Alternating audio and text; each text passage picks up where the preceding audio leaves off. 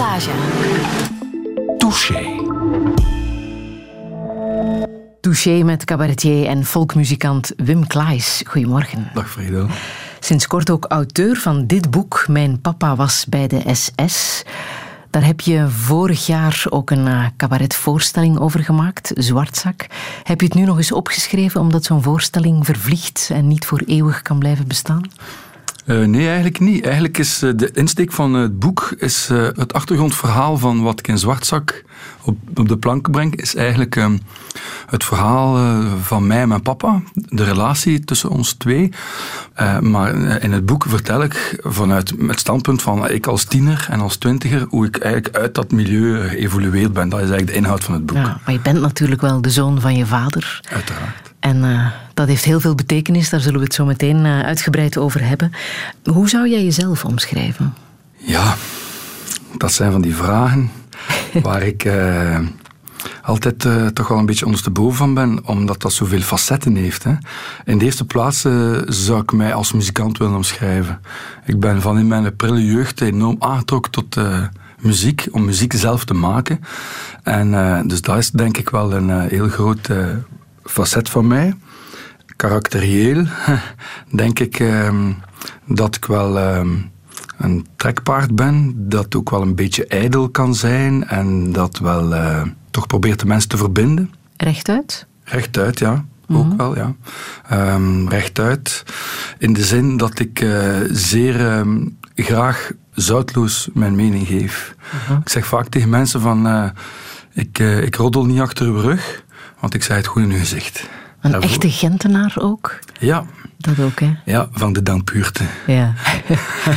en beïnvloedbaar? Uh, zeker weten, ja. Uh, mensen kunnen mij heel gemakkelijk, uh, als, de, als met de juiste argumenten afkomen, eh, ben ik rap mee. Ja. Mm. Wim Klaes, we zullen jou de komende twee uur denk ik wel iets beter leren kennen. Welkom in Touché. Een schuine bende was het niet, de loodste troep soldaten. Te luim, te dik of veel te uit, tot einde thuis geloten. Weken aan een stuk, in ons huis en op ons erven. Lagen ze te wachten, op bevel om te gaan sterven.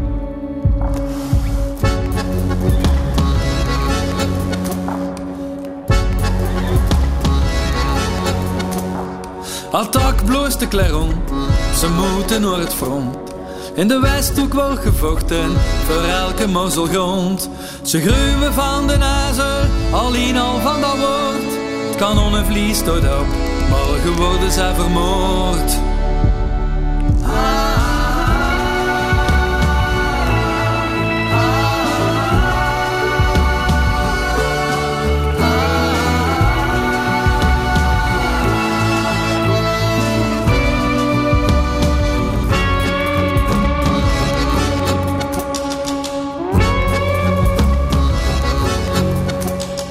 Ze lachen niet, ze spreken niet, ze maken geen beweging. Gepakt, gezakt en helmen op, en mist die eromheen hing. Wij stonden stom te kijken in het kille ochtendland. Het plein, de troep en waar, kleurloos gras en mat.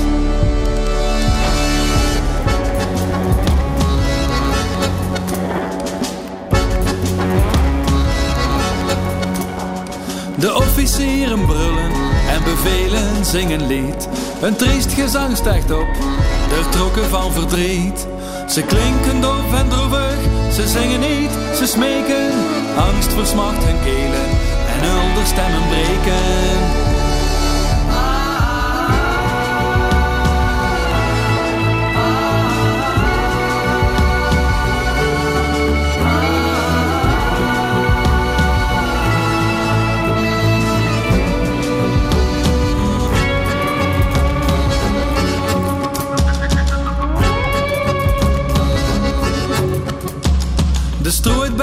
Liepen het bataljon nog achterna. Een kleine blonde krullenkop vertelde aan zijn ma. Achter ons kapelleke moesten ze niet meer zingen. Er was toch geen ene bij die zijn troon kost bedwingen.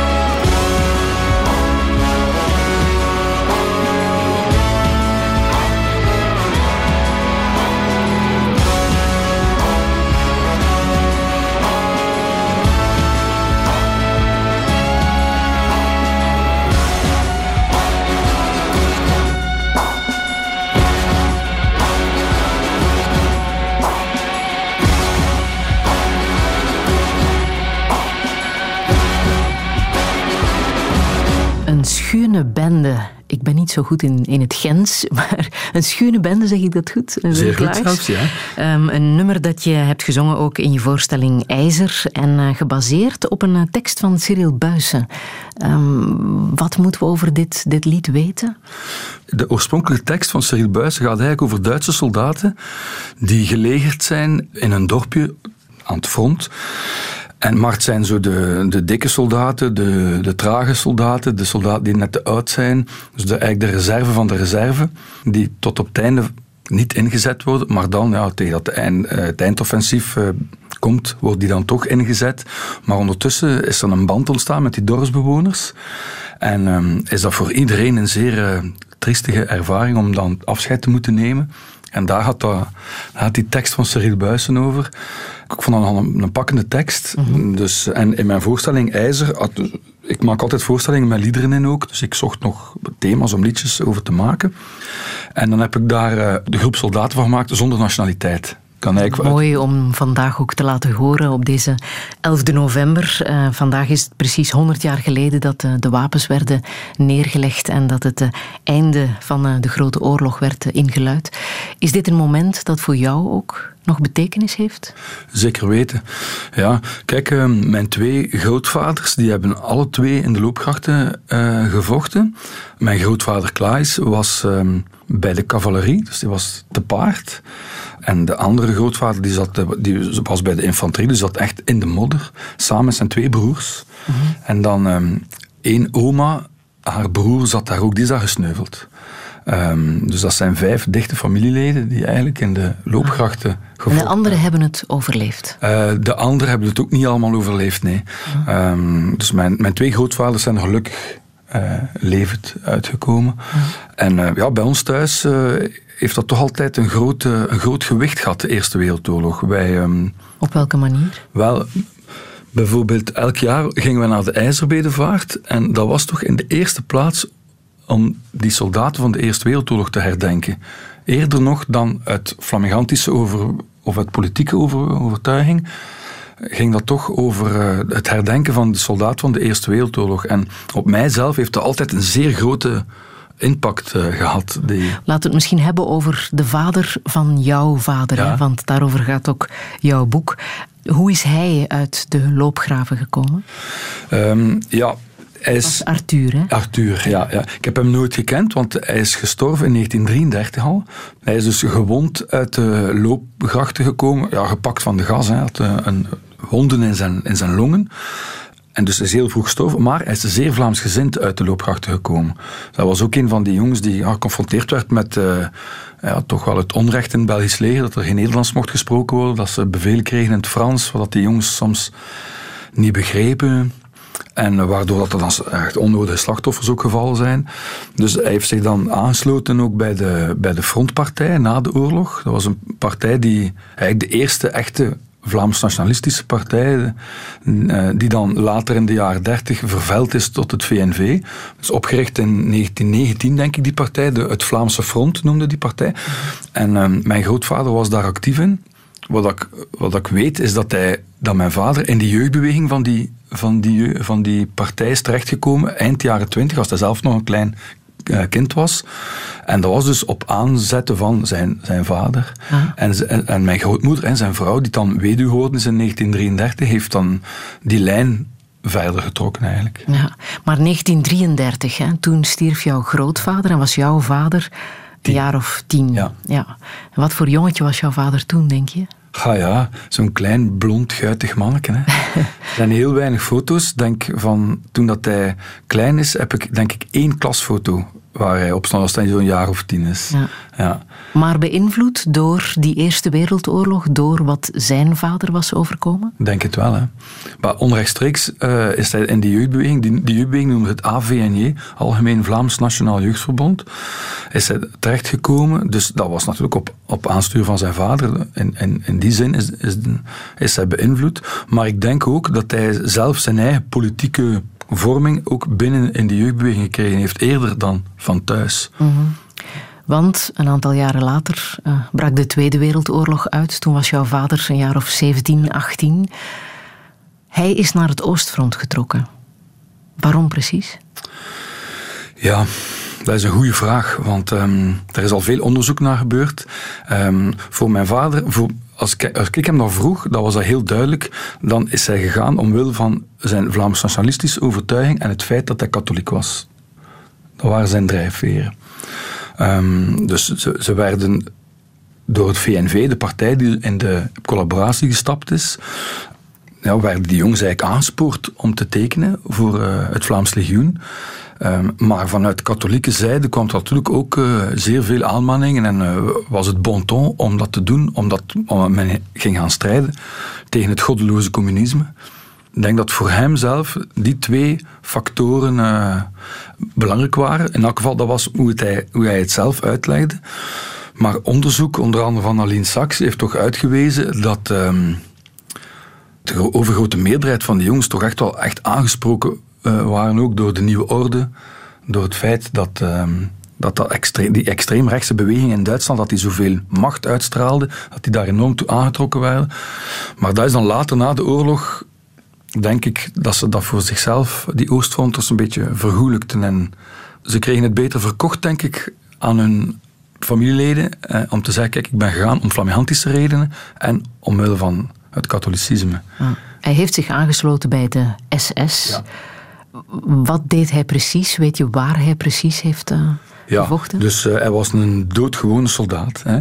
Bij, de, bij de SS uh, kan je aan de, aan de kraag van de soldaten herkennen op welke rang dat ze staan. En bij mijn vader was dat gewoon een zwart plaatje. Dus de onderste sport van de ladder. Hij was dus een, een, een doodgewoon soldaat die, um, ja, die in Oekraïne gevochten heeft. Dan in... Um, uh, Estland ook, in uh, Narva, in Polen. En, en dan ja, na het einde van de oorlog natuurlijk schoof de, het Oostfront altijd maar dichter op naar, naar Duitsland zelf. Maar hij is, is gewond geraakt in uh, Oekraïne. Daar is er een kogel door zijn been gevlogen. En hij is ook gewond geraakt in Narva in Estland. Daar is er een granaatscherf in zijn schouder gevlogen, een klein stukje hoor, zo groot als een potloodpunt. En dat was dan uh, niet erg genoeg. Die wonde was niet erg genoeg om hem weg te halen van het front. Dus hij mocht eigenlijk niet verzorgd worden. Dat is dan vergroeid. En die granaatscherf die heeft, is daar blijven inzitten tot het einde van tot de laatste dag. Mm -hmm. ja, maar vier jaar lang heeft hij dus aan het Oostfront gezeten. Ja, opleiding meegerekend zal drie jaar Oostfront geweest zijn en dan ongeveer een jaar of een klein jaar opleiding. En ook gewond. Als, je gewond, als hij gewond was, werd hij dan naar een revalidatiecentrum gestuurd en nadien werd hij dan ingezet als opleider voor ah. de nieuwe recruten. Zo in Wat heeft hij verteld over zijn ervaringen aan het front zelf? Bijna niks. Bijna niks. Daar is ook heel weinig over geweten. Hè? Ja, Historici ja. klagen daar ook ja. over, dat ze daar zo weinig concrete verhalen over hebben. Hoe komt dat, is, denk je?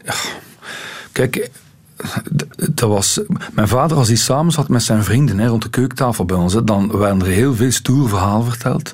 Maar die verhalen gingen allemaal of over de opleiding. Hè, bijvoorbeeld dat ze dan naar jazz luisterden, via, naar de Engelse radio luisterden. Daar riskeerden die SS'ers echt hun leven mee, maar mijn vader heeft dat gedaan. Um, of andere straffenverhalen waren dan van in de gevangenschap. Hè. Als ze krijgsgevangen waren, dan zijn ook heel veel strafverhalen. Maar die periode aan het front, daar, die mannen vertelden daar nooit iets over. Toch niet waar ik bij was. Mm -hmm. um, ik, heb, ik ben blijven doorvragen mijn vader, want ik was wel geïntrigeerd natuurlijk hoe dat, dat, dan, hoe dat eraan toe gaat aan het front. En hij heeft mij ooit één verhaal verteld. En dat is eigenlijk het enige verhaal dat hij mij ooit verteld heeft. Hij, was, hij, hij zat aan het, aan het Russische front, moest de wacht houden en hij zat in zo'n mangat. Dat is eigenlijk een put waar dat een één persoon in kan, juist hoofd boven de grond, moest de zaken in de gaten houden. En bij de aflossing van de wacht komt zijn collega komt hem dus aflossen. Mijn papa springt uit die put. Die collega springt in die put. Daar wordt geschoten. Mijn papa laat, hem, laat zich op de grond vallen. En toen ze stopte met schieten, was die collega zijn hoofd eigenlijk uh, ja, geraakt. En, en zei ja, ten helft van zijn hoofd was afgeschoten. Dat moet wel heel erg uh, indruk hebben gemaakt. Tuurlijk. Ja. Ik herinner me dan ook dat, dat, dat, dat hij dat moeilijk had om dat te vertellen. Mm -hmm. ja. Heeft hij zelf gedood, denk je? Ja, dat is zeker. Ja. Mm. Hij had, had zo'n medaille die je krijgt na 15 dagen aan het front zitten. Uh, dat je moest vechten eigenlijk zonder munitie. Dus met bajonetten, schoppen, dolken, noem het op.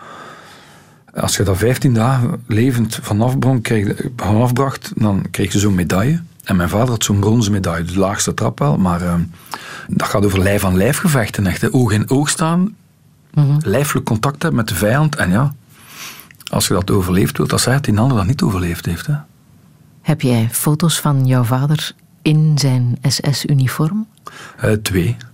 Ja? Ene, ja, één staat op de cover van uh, het boek. Dat is een foto van uh, tijdens zijn opleiding. Mm uh, en dan een andere foto is ook een foto die we later, na de oorlog, net zoals deze foto, na de oorlog gekregen hebben van een vriend, waarop hij uh, ja, een sigaret aan het roken is. En dat zijn de enige twee foto's die we hebben.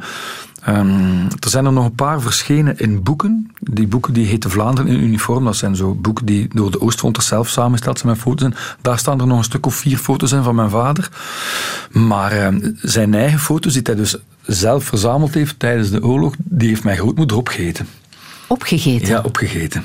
Hoezo? Waarom? Wel ja, die vrouw, die, dat was een Gentse vrouw, maar op het einde van de oorlog is die naar Brussel gevlucht om ja, de anonimiteit op te zoeken.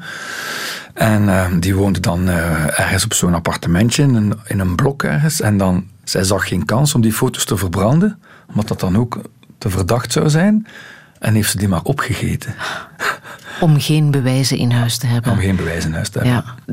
Ja. Hoe is het hem na de Tweede Wereldoorlog uh, vergaan? Wel ja, een eerste mijlpaal uh, was al tijdens de Tweede Wereldoorlog. In november 1944, als België bevrijd was, was België twee maanden bevrijd, dan is de Belgische justitie terug op gang gekomen. Dan is hij uh, ter dood veroordeeld uh, door, de, door een Belgische rechtbank. Natuurlijk, hij was er niet, dus het was bij verstek. Hij was nog bij het Vlaams Legioen, hij was nog aan het vechten aan het front eigenlijk. Hij wist het ook niet.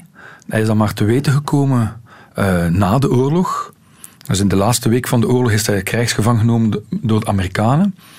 Uh, op zijn vlucht naar Denemarken. Zijn plan was om in Denemarken te geraken. En op die vlucht is hij krijgsgevangen genomen, ontwapend. En dan is hij nog een half jaar in Amerikaans krijgsgevangenschap gebleven. En toen, uh, begin 46, is hij dan overgedragen aan de Belgische justitie.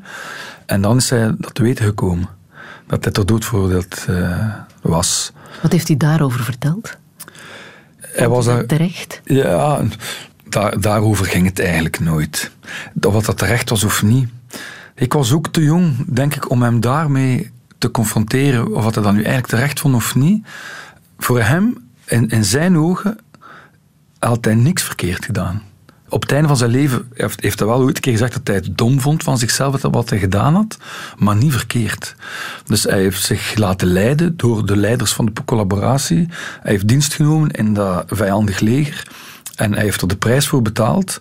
En eigenlijk heeft hij toch wel een beetje die veroordeling en het feit dat hij zijn burgerrechten nadien kwijtgeraakt is, dat heeft hij toch altijd een beetje als een eertitel gedragen. Was er eigenlijk wel een beetje fier over. Nu, die ter doodveroordeling is omgezet eerst in levenslang en uiteindelijk heeft hij gratie gekregen. Hè? Hoe lang heeft hij in de gevangenis gezeten? Uh, op, de, op de maanden weet ik het niet, maar in 1948 is hij vrijgekomen. Als je rekent vanaf mei 45, hè, gevangen bij de, bij de Amerikanen, ja. ja. Dus drie jaar uh, vastgezeten. Wat heeft hij daarover verteld, over die gevangenisperiode? Dat was gedeeltelijk ook weer bron van straffe verhalen, omdat, omdat ze daar natuurlijk allemaal samen zaten. Hè. Daar zaten bijvoorbeeld, mijn vader heeft in het kamp van Loker een tijdje gezeten. Daar zaten 20.000 collaborateurs. Dat werd uh, een, een, beetje genoegzaam de Universiteit van Vlaanderen genoemd, omdat er daar ook echt wel professoren en zo opgesloten zaten. Uh, theatermakers, muzikanten, dirigenten. En die, die organiseerden voor die jongens uh, lessen en culturele activiteiten. en dat moet, dat moet wel een, een, periode geweest zijn waarin dat ze zich eigenlijk wel in die gevangenschap toch nog redelijk goed gevoeld hebben. Mijn vader heeft daar ook wel veel vriendschappen ook aan overgehouden, aan die, aan, aan die gevangenschap. Want hoeveel Oostfronters zijn levend teruggekomen? De schattingen lopen uiteen tussen, dat er tussen de 10.000 en de 18.000 Oostfronters, dus soldaten bij de Waffen-SS geweest zijn, ja. en dat daarvan om 2 à 3.000 uh, gesneuveld zijn. Als we het afronden, laten we zeggen dat we aan 10.000 zitten. Hè. Hm.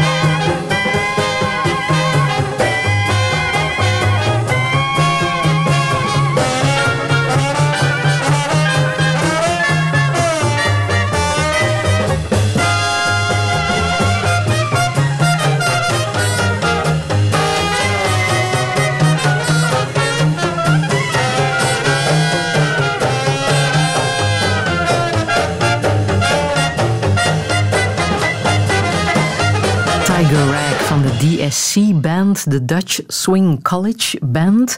Wim Klaes, um, het is muziek die jou uh, aan jouw vader doet denken, hè?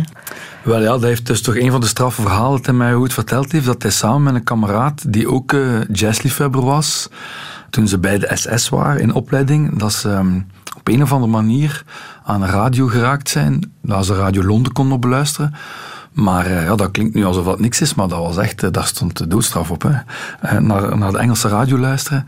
En dan hebben die gast dat gedaan omdat er, omdat er jazz uitgezonden werd. En mijn vader zei van, dat is het liedje dat we toen gehoord hebben. Ja, ja Tiger Rag. Maar jazz is natuurlijk ook het toppunt van de zwarte muziek. Ja, dat klinkt paradoxaal. Hè? En, als ik daar nu op terugkijk, is dat voor mij ook paradoxaal. Maar mijn vader was dus een echte een jazzliefhebber. Elk weekend Ella Fitzgerald, Count Basie, Glenn Miller, dat is dan witte jazz. Maar mm bon, uh, ja, Lionel Hampton, ja, daar ben ik echt mee, mee groot geworden. Ja. Hij was Oostfronter, maar was hij ook een racist? Wel, eigenlijk heb ik hem daar toch nooit kunnen op betrappen. Nu, het, het racisme denk ik, is in onze maatschappij uh, harder geworden of aanweziger geworden vanaf eind jaren tachtig, toen er, toen er echt veel migranten gekomen zijn. Daarvoor was dat, was dat minder aanwezig, omdat er ook geen ja, reden toe was.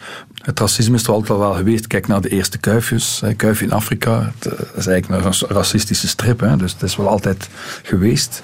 In elk geval, is, mijn, mijn, mijn, pa is geen racist geweest in die zin dat hij zich altijd uh, afgekeerd heeft, ook van Vlaams Blok, vanaf het begin.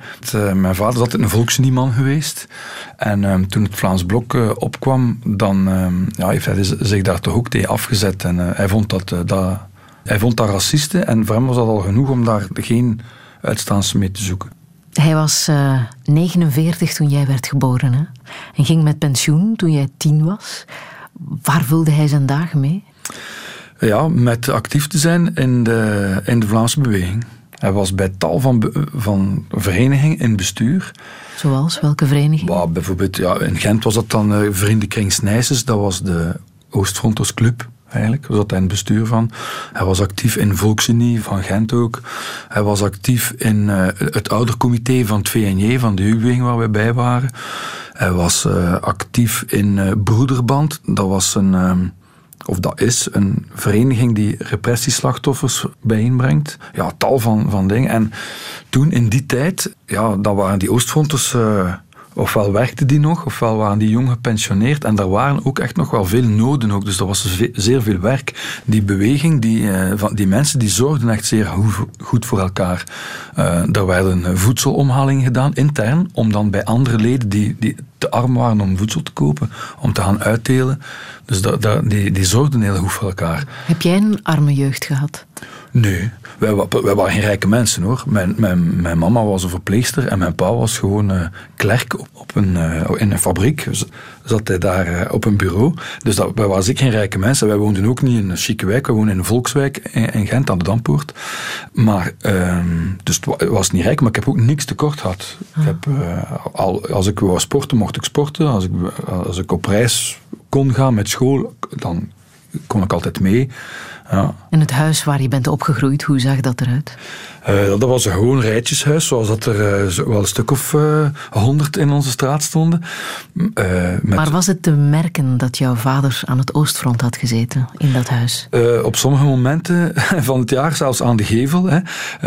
als er affiches uit te, uit te, hangen waren, dan hangt er bij ons aan de deur altijd een affiche van het zangfeest of van het ijzerbedevaart of van de verkiezing. Dan was al volksgenie, sowieso. En binnen in huis, ja, dan waren er heel veel Vlaamse leeuwen. Uh, Moeder Maria onder een stolp. Uh, en dan berkenkruisen op de kast. En uh, foto's. En ja, ik ben Vlaming en daar ben ik vier op in de keuken. Ja, dat was, op elke muur kon dat wel zien wat de overtuiging van mijn ouders was. Ja. ja. En het was ook een evidentie dat jij naar het VNJ ging. Naar de jeugdbeweging, het VNJ. Dat was zo, ja. Ehm, dat, ja. Je moet dat ook een beetje zien in de tijd van de verzuiling. Hè, mensen, als je in een socialistisch nest geboren werd, wel ja, ja, dan ging je naar de, naar de stadsschool en dan ging je naar de socialistische turnkring en naar de socialistische jeugdbeweging. En dan zat uw, uw, uw grootvader bij de socialistische kaartclub. Hij had dat zo van, ja, van de, de, de zwarten ook. Hè. Een soort zwart zuiltje. Dat was een klein zuiltje, waarom niet zoveel. Maar we hadden ook ons eigen ziekenfonds. We hadden een eigen sportclip, eigen jeugdbeweging. Dus ja, wij gingen naar die jeugdbeweging. Dat was zo wat logisch. En hoe ging het daaraan toe in uh, die jeugdbeweging, het VNJ? Uh, dat was uh, om te beginnen een heel leutige bende. Dat was heel plezant. Ik heb daar zeer veel uh, vrienden leren kennen. Sommige ben ik nog altijd mee bevriend. Echt vrienden voor het leven geworden. Dat is de ene kant. Hè. Zeer volks en heel plezant. Maar daar is natuurlijk een politieke kant aan. Die wel bedenkelijk is. Hè. Dus het, het VNJ maakt er, maakt er geen geheim van dat ze, dat ze kinderen willen opvoeden tot rechtse conservatieve nationalisten. Ja, dat is. Heb jij dat ook gevoeld als tuurlijk, kind? Tuurlijk, ja. tuurlijk. Achteraf bekeken vind ik dat eigenlijk, ik, ik vind dat eigenlijk een, een, vorm van kindermishandeling. Als je kinderen zo hard in een bepaalde politieke richting stuurt, zonder ruimte voor nuance. Wij, wij, wij, wij kregen ook een vijandsbeeld mee. De linksen, dat, waren de, was de vijand. Zo, hè. Mannen met dreadlocks en met oorringen. Oh, dat, was, uh, dat, dat, dat, dat, was de, dat werd zo'n vijandsbeeld gecreëerd. En ja, dat is, dat is ongezond. Hè. Ja. En hoe ver, hoe ver ging dat, dat rechtse beeld dat ze wilden? Dat was zeer, zeer Vlaams nationalistisch. Kijk, de, toen ik daarbij was, de mensen die de hoofdverantwoordelijkheden hadden, dus eigenlijk de verbondsleiding, achteraf bekeken waren dat allemaal Vlaams belangers. Niet toen, hè. toen dat die bij dat VNJ waren, dan waren die, had die geen partijkaart, maar uh, later zijn die allemaal op lijsten van Vlaams Belang terechtgekomen. Uh, dus dat zegt al genoeg in wat voor richting dat er gedacht werd uh, met die kinderen. Ik herinner me nog dat, dat er artikelen verschenen in ons ledenblad, pro-apartheid bijvoorbeeld. Wij waren voor apartheid en daar niet tegen. Er waren ook diensten waar jullie ja. elke zondag naartoe ja, gingen. Dus bij de scouts of bij de Giro's en de vergadering in het VNJ is dat een dienst. Dus je wordt als kind ingelepeld dat je dus ten dienste staat van Vlaanderen. En er was ook een dagfiguur die werd geëerd. Ja. En dat waren figuren dat, soms, waren dat, ja, soms waren dat heel logische en figuren die het moeite waard zijn om te leren kennen. Bijvoorbeeld Jan-Frans Willems, ik zeg maar iets. Maar uh, daar was af en toe een keer een August Booms bij, of een Cyril Verschaven, of, uh, of nog zwartere uh, figuren. Ja. ja. veel, veel figuren uit de collaboratie. Die, de collaboratieperiode werd in die jeugdbeweging echt opgehemeld. Die mensen die gecollaboreerd hadden, die werden zonder meer voorgesteld als mensen die hun leven opgeofferd zouden hebben voor Vlaanderen, die hun leven daarvoor gegeven hebben. Dus dat, zijn, ja, dat, dat werd ook altijd zo met, met zo van die grote opgezwollen taal over, over gesproken. -hmm. En als kind pak je dat binnen en je neemt dat eigenlijk mee. Je beseft niet hoe, hoe scheef getrokken en hoe eenduidig dat, dat allemaal maar is. Je schrijft in het boek: Het VNJ heeft van mij een neonazi gemaakt. Ze hebben mij geradicaliseerd. Ja, zeker zo, ja. -hmm. Maar nu moet ik wel zeggen um, dat dat niet de lijn van het VNJ officieel was. Hè. Dus dat was niet in elke afdeling zo, maar bij ons in Gent was daar nu wel nog zo een, een kantje aan. Wij hadden ook uh, leiders, toen ik ja, 12, 13 jaar was dat te zijn, waren daar onze leiding, die waren ook zonen of kleinzonen van Oostfronters, die dweepten daar ook mee met Vlaams Legioen, met de Waffen SS. En uh, ja, ik herinner me goed dat er op een bepaald moment dat die leiding daar in één keer stond met een grote doos vol met uniformstukken van, ja, van het Duits leger, van de Waffen SS, van de NSDAP, van de, van de partij. Hup, zijn doos uniformstukken. voilà jongens, we gaan dat aandoen. En dan liepen wij daar rond in rugzak met rugzakjes van de, van de SS en van die broodzakjes en riemen en petjes. En, nou, wij zongen ook liedjes waarvan dat wij de betekenis niet goed snapten en die dan achteraf bleken dan vertaling te zijn van liedjes van de Hitlerjugend. Of melodieën van die liedjes, waar dan een, tekst opgezet werd specifiek voor het VNJ van Gent. Dus een liedje dat alleen van ons was, maar dan iemand had dat dan vertaald. En dat was dan eigenlijk ja, ook weer een lied van de Hitlerjugend.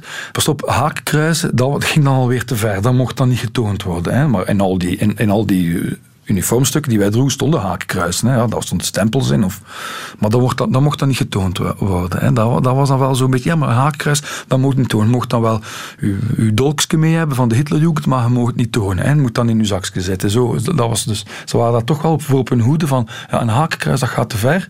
Maar al de rest, dat was dan wel oké. Okay, je wou zelfs weten hoe het uh, voelde om iemand in elkaar te slaan. Ja. Dat heb je zelfs uitgetest. Ja, dat is waar. Maar dat heeft niks met VNE te maken. Dat was uh, in, in, mijn, in mijn eigen puberteit. Ja, was ik, uh, dat is waar, daar ben ik zo beschaamd over. Maar ja, niet zo beschaamd dat ik het niet op de Nationale Radio zou vertellen. Ik ben nu bezig, dus ik zal het nu maar vertellen. Hè. Ik vermoed dat ik 13 of 14 was, vol bak puberteit. Wou ik uh, voelen hoe het was om, op, om met mijn vuist op iemand zijn gezicht te slaan. En ik heb dat dan gewoon gedaan. Ik ben met mijn fiets gaan rondrijden. Samen met buurjongen, die was daarbij. Ik heb toen een slachtoffer gevonden, een jongen die duidelijk jonger was dan mij. Zo laf was ik wel, dat ik niet iemand zou nemen die even oud of ouder was dan mij. En ik ben van mijn fiets gesprongen. Ik heb die gewoon een dreun op zijn gezicht gegeven. En uh, die jongen begon keihard te huilen en te roepen natuurlijk. Die zijn oudere broers uh, uit het huis komen gelopen. Ik heb die oudere broer gezien. Ik ben op mijn fiets gesprongen. Ik heb nog nooit zo rap gefietst dan toen. Ik heb die kunnen afschudden, maar uh, wat ik nooit kunnen afschudden heb, dat is de schaamte die ik, uh, die ik achteraf voelde voor wat ik gedaan had. Dat was het moment zelf al toen ik dat deed, toen ik aan het wegvluchten was, toen al, overviel er mij een enorme schaamte dat ik dat gedaan had. Het voelde niet goed. Nee, nee. Maar het is ook niet goed, hè. Wanneer heb jij voor het eerst over de holocaust gehoord? Um, wel, daar zijn twee kanten aan. Uh, de echte gruwel, de eerste echte gruwel die, ik gezien heb, dat was in het vijfde middelbaar. Toen hebben wij in school uh, een documentaire gezien over de holocaust. En uh, die documentaire, dat is, die staat in mijn geheugen gegrift. Dat ik kan nog zo helemaal na vertellen. Dat, dat was echt een openbaring voor mij. Omdat ik niet wist uh, dat dat de echte dimensie was van de holocaust. Want ik kende de holocaust wel, maar dat was dan van, ja, in het VNJ uh, vertelden wij van die ranzige gaskamermoppen. Hè, en dat was voor mij de inhoud van de holocaust. Hè, daarmee lachen. Hè, zonder te beseffen wat er, wat er eigenlijk gaande geweest is. En uh, toen, als ik die documentaire zag, dan, is er, dan zijn mijn ogen echt wel open gegaan. Wist jouw vader van de holocaust? Ik heb hem daar toen ook mee geconfronteerd. Hè, en pa, wist jij dat eigenlijk wel? Hij heeft mij daar toen uh, op geantwoord dat hij dat niet, dat hij dat niet wist. Um, dat hij niet wist van de gaskamers en van de uitroeiingskampen. Ik geloof dat, omdat dat ook naderhand is dat ook door historici, wordt dat bevestigd, dat er zeer, zeer weinig mensen waren die wisten van die uitroeiingskampen en van de gaskamers. Dat was ook voor de Duitsers, ook voor de nazi's was dat eigenlijk een geheim. Hè. Zij schreven dat niet in een krant dat ze daarmee bezig waren. Dus de, de, de gewone soldaten in de legers van, van Duitsland, die, die wisten dat niet. Maar natuurlijk, dat ontslaat hem niet van verantwoordelijkheid, want uh, al van in de jaren dertig werd er eigenlijk opgeroepen tot uh, uitroeiing van de Joden. In, in de krant van het VNV, het VNV, een beweging waar mijn vader bij was, uh, schreef Raymond Tollenaar uh, eind jaren dertig al dat, uh, dat de Joden parasieten waren die uit de samenleving moesten verwijderd worden. En dat gebeurde dan ook effectief.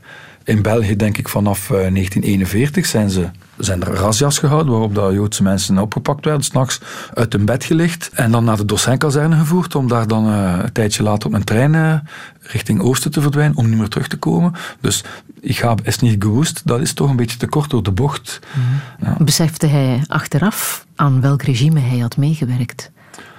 Toch wel, ja. Toen dat ik hem daarmee geconfronteerd heb met de gruwel van de holocaust en met, met uh, de rol van de SS daarin, hè, de SS dat waren tenslotte de, organisa de organisatoren van de holocaust en hij was een SS'er, dan um, zag ik, merkte ik wel aan hem dat hij daar ook heel hard mee, mee gevrongen zat. Die heeft zich gemeld als 18-jarige voor het Vlaams Legioen. Daar werd een leger uh, beloofd met Vlaams officieren, waarin de voertaal Vlaams zou zijn. Dat, was, dat werd hen zo beloofd. Die jongens hebben dat gedaan. Vanaf dag één bleek dat al een dikke leugen te zijn. Alles was in Duits en die kwamen in Duitse divisies terecht en die werden in Duits opgeleid. En achteraf natuurlijk is dan het besef gekomen, ja, dat was wel de SS die ook de organisatoren van de Holocaust waren. Dus dat moet wel uh, hard geweest zijn voor hem om dat op die manier te moeten onderkennen, dat hij daar toch wel deel van uitgemaakt heeft. En ik herinner mij zeer goed dat hij toen dat we daarover spraken, over de holocaust, dat hij zei van kijk, als ik dat geweten had, dan had ik me gemeld bij de Engelsman. Maar uh, toch stond er op zijn doodsprentje een berkenkruis. Ja. Heeft daar nooit echt afstand van gedaan. Nee. Nee.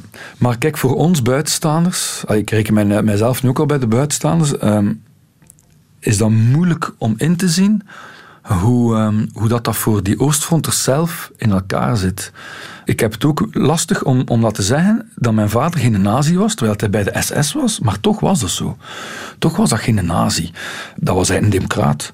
En in zijn hoofd heeft hij dus, hij was Oostfronter en hij heeft dat gedaan vanuit zijn Vlaams-nationalistische katholieke overtuiging, aangestuurd door ja, de politieke leiding van toen. En dat heeft zijn verder leven bepaald, maar zelf kon hij heel gemakkelijk afstand nemen van de nazi's. Hij kon heel gemakkelijk uh, zeggen, kijk, Hitler die heeft ons ook bedrogen. Dat was een bedrieger ook voor ons, die heeft ons ook bedrogen. Voor de ideaal waar wij voor gegaan zijn naar het Oostfront, daar zou niks van in huis gekomen zijn, mocht Duitsland de oorlog gewonnen hebben. Dat besefte zij achteraf heel goed. Ja, ik probeer dat allemaal een plaats te geven, uh, omdat, omdat het, is, het is logisch dat, dat, dat, je denkt dat iemand die bij de SS geweest is, dat is een nazi, punt, andere lijn. Maar toch is het iets complexer dan dat. Hoe heb jij afscheid genomen van jouw vader op zijn sterfbed? Uh, dat was een heel, uh, heel mooi moment. Ja. Dus uh, mijn pa is ziek geworden in 1998. Dan, dan, was hij ja, 75. Ja, darmkanker. Allee, vermoedelijk, want de ziekte was al zodanig uitgezaaid dat men nooit goed heeft kunnen bepalen waar dat oorspronkelijke kanker eigenlijk zat. En nadien is hij nog 19 maanden ziek geweest voordat hij gestorven is. En in die 19 maanden is hij alleen maar achteruit gegaan. En dan, ja, dat is... Dat wenst je uw, uw, uw ergste vijand niet toe. Zo'n aftakelingsproces. En heel op het einde uh, was het duidelijk, in die laatste weken was het duidelijk van ja, het zal gebeuren.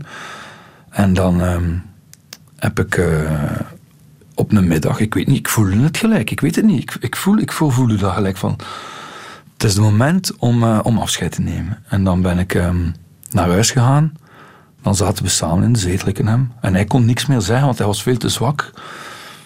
Maar uh, ja, dan heb ik toch wel uh, kunnen zeggen van, kijk, ja, dat ik, hem, dat ik heb u graag gezien, voilà.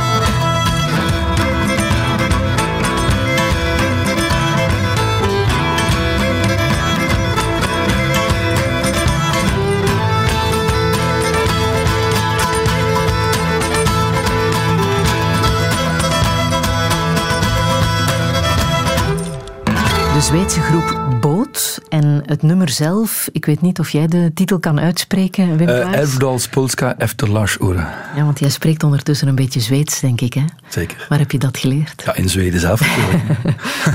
En deze muziek, hoe heb je dit leren kennen? Um, ja, dat is um, muziek waar ik uh, instant verliefd op geworden ben. Dat is, ja, wat, we, wat we net gehoord hebben, is gewoon oude Zweedse traditioneel dansmuziek. Dat ritme, dat gaat een beetje raar geklonken hebben voor veel mensen, maar dat is echt dansmuziek in Zweden.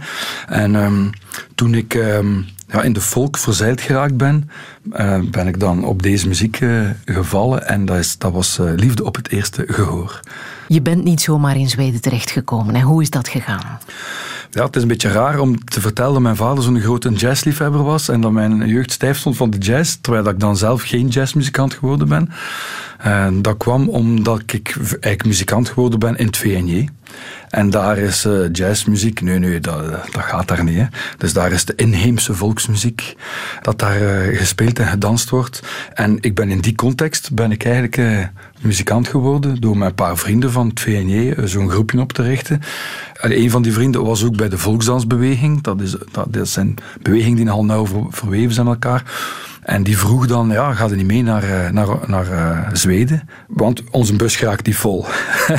ik zeg, alles goed, ik ga mee. Maar ja, zegt hij, ja, zouden dan niet willen dansen uh, met, met ons? Hè? En dat is dan zo dansen met zo klompjes aan en zo zo'n boerenkostuumpje aan. Ik dacht, nee, dat doe ik niet. Hè. Ja, ja, maar ja, maar weet je waar, zouden dan niet zouden dan niet bij de muzikanten willen hè, muzikant zijn. Zo. Maar ja, ik dacht, ik speel alleen maar blokfluit van op school. Zo.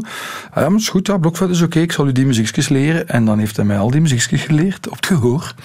Uh, zo, voilà. Het een achter het ander. En, um, en daar heb ik dan de, de, de Zweedse volk leren kennen. En dat, dat, sprak mij onmiddellijk aan. Dat was, ja, waarom precies? Ja, dat weet ik zelf niet goed. Hm? Weet ik zelf niet goed. Is, is dat nu de, de, de, het allemaal violen, de klank van die viool? Uh, is het mysterieuze van dat ritme? Ook de, de authenticiteit van die muziek? Daar is dat, dat is muziek die, die van muzikant op muzikant overgeleverd wordt. Dat wordt niet echt opgeschreven. Als dat onderwezen wordt in de muziekschool, is dat ook zonder partituur. Dat wordt op het gehoor allemaal aangeleerd. En ik, ik leerde dan mensen kennen die in zo van die families zaten. Die zeiden, oh kijk, dat heb ik geleerd van mijn grootvader. En hij heeft dat geleerd van zijn grootvader. Dus je krijgt zo'n soort geschiedenis mee met uw muziek. Of een soort van, ja, dat, is echt, dat zijn echte roots. Dat sprak me allemaal enorm aan. Ook de, de kleur van die muziek, de emoties die erin zaten, of in zitten. Ik ben heel, heel hard ook aangetrokken. Is, vaak heeft die muziek, is die muziek en vrolijk, en melancholisch, en een beetje kwaad tegelijkertijd. Mm -hmm. En dat vind ik fantastisch. Je hebt daar ook echt een opleiding gevolgd, ja. een jaar lang. Ja, ja. Wat voor opleiding was dat precies? Ja, dat, was, uh, dat, dat, is een opleiding aan een, aan een volkshogeschool. En dat is, een, dat is zonder diploma, zonder examens ook. Maar je kunt dus u inschrijven voor een jaar een opleiding te volgen. Uh, en ik zat op zo'n school in uh, Centraal Zweden, Hudiksveld noemt die stad, waar een, een, muziekafdeling was. Maar evengoed was daar een afdeling voor ex-gevangenen die hun uh, uh, middelbare studies wouden afmaken. Dus echt een heel een amalgaam van allemaal mensen. En dus wij zaten daar met een tiental muzikanten in die opleiding. Was het voor jou ook op een of andere manier een afkikperiode, dat jaar in ja, Zweden? zeker weten. Daar herinner ik me nog zeer goed dat dat voor de allereerste keer was dat ik geen enkele dag over het Vlaams nationalisme moest babbelen. Dat ik daar geen vragen over kreeg. Daarvoor was dat dagelijks, hè. dat was dagelijkse kosten. Ik was tot toen, dus tot mijn 22, ook nog leider in het VNJ. Ik ben, dat heeft heel lang geduurd dat ik daar eigenlijk uitgeraakt ben. Uh, ik was toen ook uh, bij de nationalistische studenten, dus bij NSV. Heel mijn, mijn denken was extreem rechts en zeer politiek. Het ging eigenlijk altijd over politiek en over onze standpunten. En toen ik in Zweden was, viel het allemaal weg en was ik gewoon Belg. In hoeverre was het een verademing om van Café Roeland te verhuizen naar Café in den Hemel? ja, dat was, uh, dat, qua dat was symboliek, een grote. Qua symboliek ja, kan dat wel tellen. Ja, ja dat is waar. Ja, want Café Roeland, voor de mensen die die geschiedenis niet mee hebben, dat is ja, het uh, ja, café ook van... Uh, van Vlaams Belang, van het NSV, van echt het extreemrechtse café. Uh, Daar heb jij gewerkt? Gent. Daar heb ik gewerkt, ja.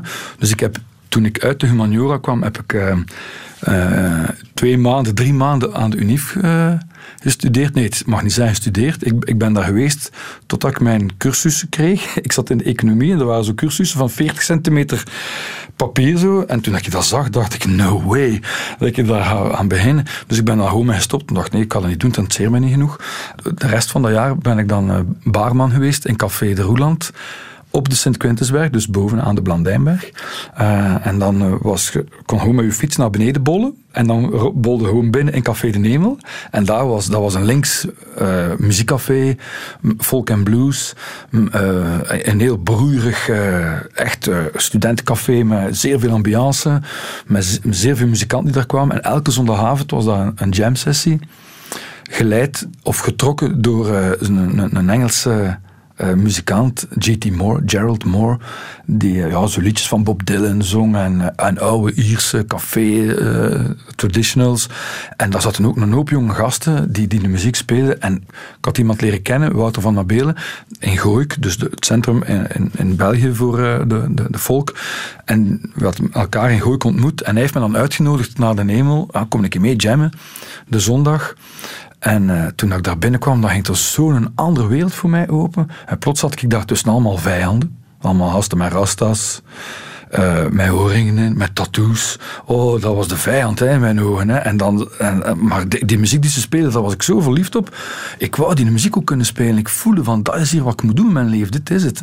Dan heb ik even zo'n een jaar eigenlijk op twee benen gehuppeld. Hè. Mijn rechtsbeen in Roeland en mijn linksbeen dan in, uh, of mijn linksbeen in Wording uh, in de hemel.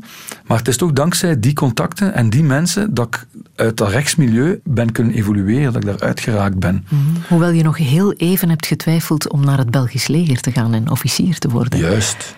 Ja, inderdaad. En dat Wat mocht een dan vreemde kronkel. Ja, raar hè? Ja. Raar hè? Daar, ja, het, het is zo raar allemaal. Maar dus het feit dat ik naar, de, naar het Belgisch leger wil gaan, dat was onder invloed van twee vrienden die mij een beetje meestonden. Ik wist echt niet wat ik moest doen in het zesde middelbare. Ik wist het gewoon niet. Hè? Ik wou muzikant worden, maar dat was dat stond zo ver af van mijn echte leven, van mijn dagelijkse omgang. Ik kende ook niemand in mijn vriendkring of in onze familie die muzikant was. Ik had geen enkel beeld. Uh, en die, die twee vrienden overtuigden mij dan om deel te nemen aan de uh, toelatingsproef voor de militaire school. En dacht, okay, ja, doe ik dat. Maar dat mocht dan niet, want ik had geen burgerrechten. Mijn vader, als hij vrijgelaten is, in 1948, dan stond, staat er in dat vonnis dat, dat hij zijn burgerrecht kwijt is en zijn nakomeling in eerste graad. Dus dat wist jij niet? Dat wist ik niet. Dat wist, Mijn pa wist dat eigenlijk zelf ook niet. Ja, dat was een grote verrassing. Ik mag niet naar de militaire school, want ik heb geen burgerrechten. Dus je en, moet naar de militaire school gaan, is een burgerrecht? Is een burgerrecht, ja. Grappig, hè? Maar uh, ja, mijn vader heeft dan moeten een eerherstel aanvragen. In zijn ogen een knieval doen en zijn fout toegeven. Hè. Hij heeft dat wel natuurlijk zonder morgen gedaan voor mij. Zo ben ik dan toch in die school terechtgekomen. Ik heb die examens gedaan. Maar toppunt van al zeg, mijn twee vrienden die waren gebuist en ik was erdoor.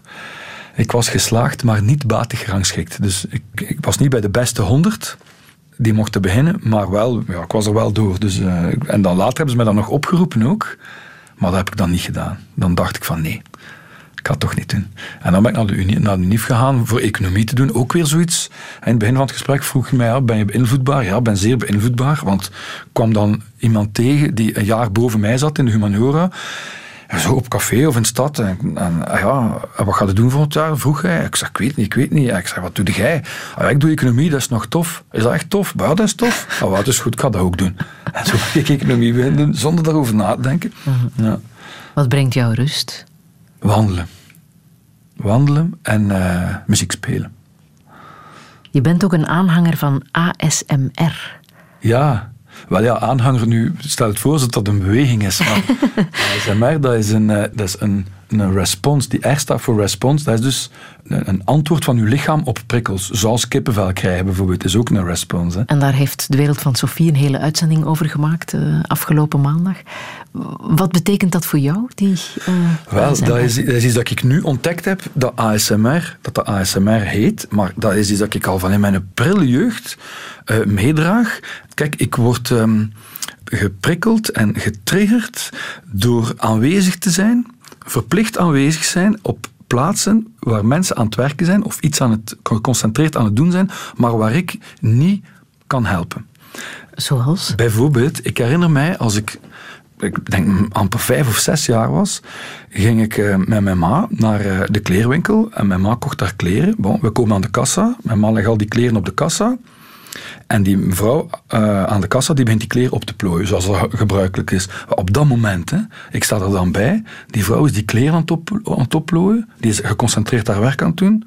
Het was ook geen muziek, want als er muziek is, werkt het al niet. Het was stil, is die kleren aan het opplooien en dan komt er mij zo een gevoel aan mijn achterhoofd, over mijn schouders, tot in mijn longen. Een ongelooflijk gelukzaligmakend gevoel waar ik eh, zelfs van dacht van ik mag niet te diep ademen of dat gaat weggaan. En, ja, dus, dat, dat, ze noemen het ook het orgasme van de hersenen. Ja, ja braingasm noemen ze het. Maar ik vind dat niet terecht. Ik vind dat een beetje raar, want orgasme dat is, dat is heel seksueel geladen. Terwijl dat is, die gewaarwording is helemaal niet seksueel. Het is eerder, je zou het eerder kunnen in de sfeer zien van massage of zo, eerder dan, dan dat het seksueel is. Dus orgasme is een beetje een raar woord, maar het is wel een gevoel dat mij overkomt. En als Zoek je die geluiden ook op? Dat kan. Triggeren? Dus ja, YouTube staat vol met ASMR-filmpjes, maar bij mij werkt het maar best live. Als ik het zelf, als ik het zelf en op een onbewaakt moment. Op, ja, kan het niet uitlokken. Ik heb het nog gehad vorige week. Mijn dochter um, uh, had uh, ja, een nieuw uh, identiteitskaart. En dus ja, ze verweten nu dan, goed, moet om die identiteitskaart komen. En dan ga ik naar de dienstencentrum. Daar is ook geen muziek. Mensen zijn zo wat aan het rommelen. En ik ga bij die mevrouw die, aan de balie, ik geef mijn papieren af. En zij begint te rommelen in haar papier om die, om die kaart te zoeken en, en om die papieren te vullen. Op dat moment had ik het ook weer. Ik sta daar dan, kan niks doen, moet gewoon wachten. En die is zo geconcentreerd aan het rommelen. En dan overkomt mij dat. Ik heb nog muziek van Steve Reich. Ja. Wat, wat vind je zo uh, fascinerend aan die muziek? Ja, het is minimalistic, uh, minimalistic mm -hmm. music. Dus um, hij zet een hoop melodieën of kleine melodische fragmentjes tegenover elkaar, die dan in een soort van willekeurige volgorde ten opzichte van elkaar komen, waardoor dat er patronen ontstaan die uh, de een keer wel hoort en de andere keer niet hoort. Het is een beetje chaotische muziek. Uh, maar die ritmisch wel heel gestructureerd is. Dit is Slow, gespeeld door Pat Metheny.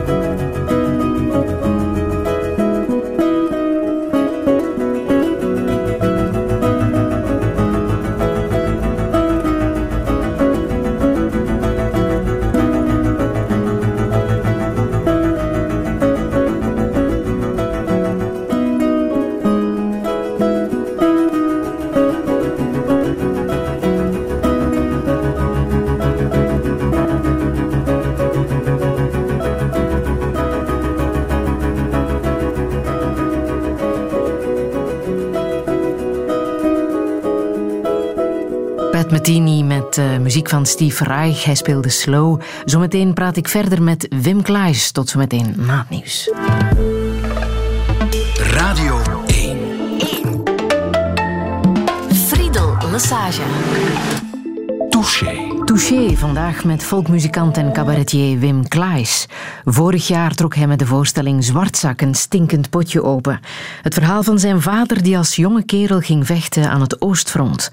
Voor de goede zaak, in de overtuiging dat Hitler na de overwinning van Vlaanderen een onafhankelijke staat zou maken. Het leverde hem drie jaar gevangenis op. Maar ook Wim, zijn zoon, werd het slachtoffer van deze utopie. In het verzuilde Vlaanderen van toen belandde hij bij het VNJ, een rechtse jeugdbeweging waar hij naar eigen zeggen is geïndoctrineerd. Een muziekstage in Zweden bevrijdde hem van zijn Vlaams nationalistisch gedachtegoed. Hij maakte de oversteek van rechts naar links, van Café Roeland naar Café in den Hemel. Maar hoe moet het verder? Wat met Schild en Vrienden en de IJzerbedevaart? Kunnen we nog wel dromen van een wereld zonder oorlog? Dit is Touché met Wim Klaes. Een goede middag.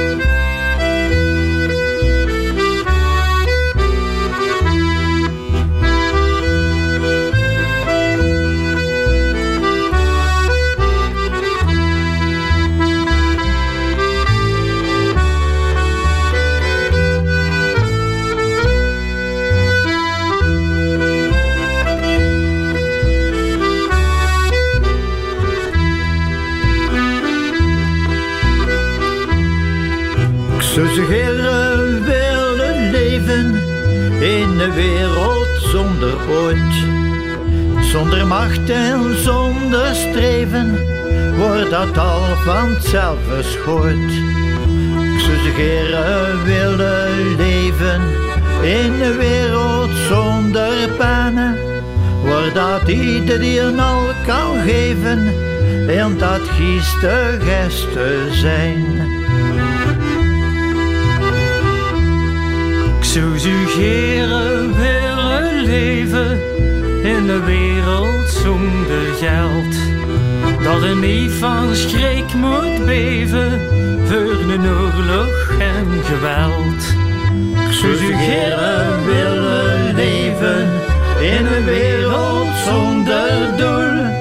Waar gerekend wordt met geen bankiers en geen boel.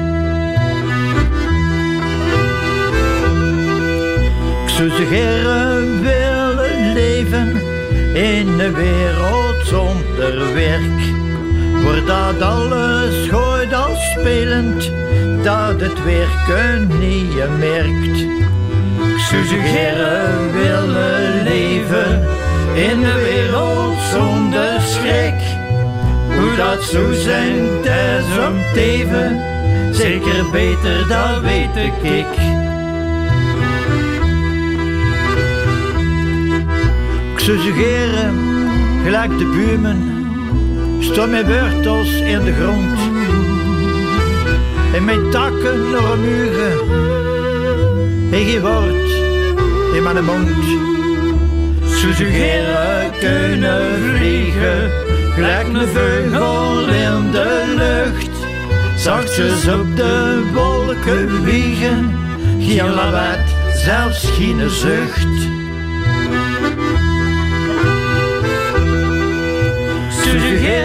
Suggereren, zo suggereren, zo van alles willen doen.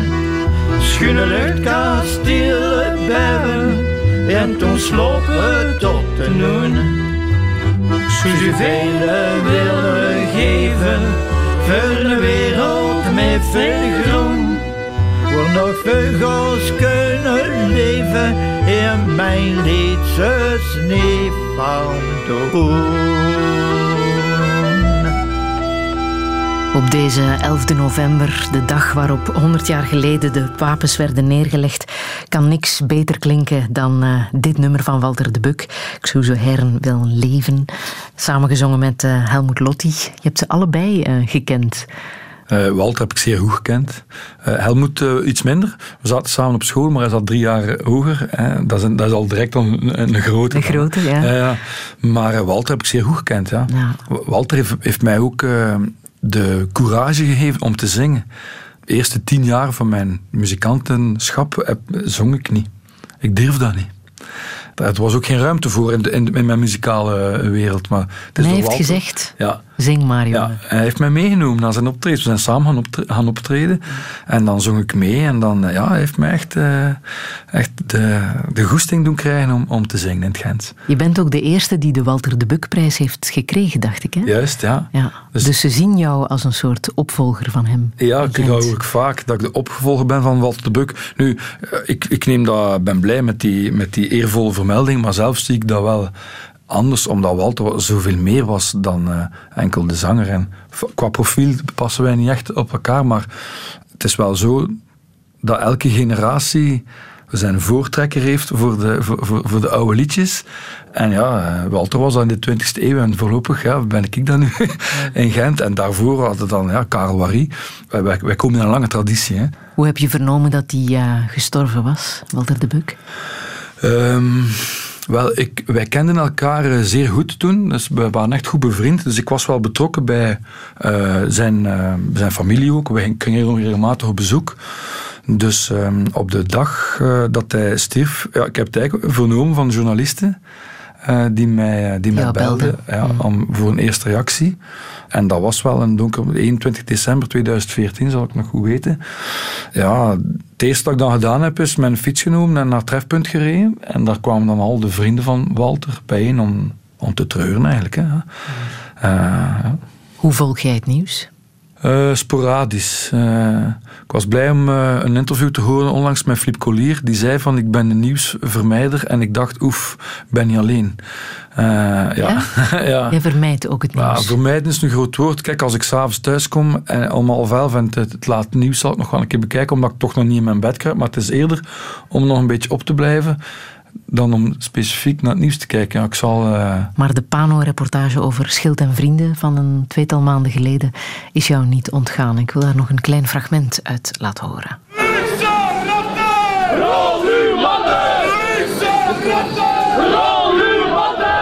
Was het nodig om die vlag te vernielen? Wel, vernielen was misschien eh, niet 100% nodig geweest, maar kijk, we hebben dat gedaan. Ik ben blij dat dat gebeurd is. Op die manier laten wij zien dat we onze rug recht kunnen houden, dat de Vlaamse jeugd opkomt voor zijn toekomst. Dries van Langenhoven, de bezier van eh, Schild en Vrienden in de Pano-reportage. Wat heeft jou daarin het meeste geraakt, Wim Klaes?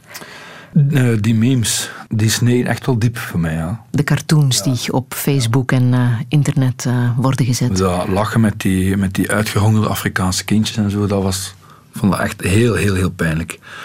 Dat is, dat is een soort eh, sarcasme dat daar aan de dag gelegd wordt met het, eh, met, met, het leed van, ehm, van weerloze mensen. Dat zou niet van onze tijd niet meer mogen zijn. Dat zou, dat, wij zouden daarover moeten zijn als beschaving om dat te doen. En dat raakt me heel, heel diep dat daar eh, op die manier mee, om, mee omgegaan wordt. Ehm, I don't care, hè, ook zo. eh, een onderschrift bij een van die cartoons, zo, hè, dan een schrijnende situatie. I don't care. Maar heb je dit soort reacties en eh, tekeningen ook eh, gekend toen je bij het VNJ zat in jouw eh, jeugdjaren? Ja, ja, kijk, ook dat, het, eerste, dat geluidsfragment begon met linkse ratten, rol du mat. Wel, Dat is een, een slogan die ik geleerd heb bij het VNG. We hadden zo'n spelletje en dat, dat heette betogerke. Dan werden wij in twee ploegen verdeeld. De ene ploeg eh, waren dan de betogers en de andere ploeg dat waren dan de flikken. En de flikken moesten die betoging uiteen proberen trekken. En dus de, de betogers moesten elkaar dan zo goed mogelijk vasthouden. En als je dan uit die betoging getrokken werd, dan werd je zelf de flik. En dan, daar werden echt die slogans aangeleerd. Hè. Linkse ratten, rol du mat, voor Belgiekske, nikske, voor Vlaanderen, alles. Dat zijn de slogans die, die wij toen echt leerden. Dus die retoriek, ook hier van, eh, die hoor van Dries van Langenhoven, ja, dat is mij totaal niet vreemd, maar ik krijg daar toch wel kippenvel van hoor. Ja. Hij is ondertussen uit de raad van bestuur van eh, de Universiteit Gent gezet.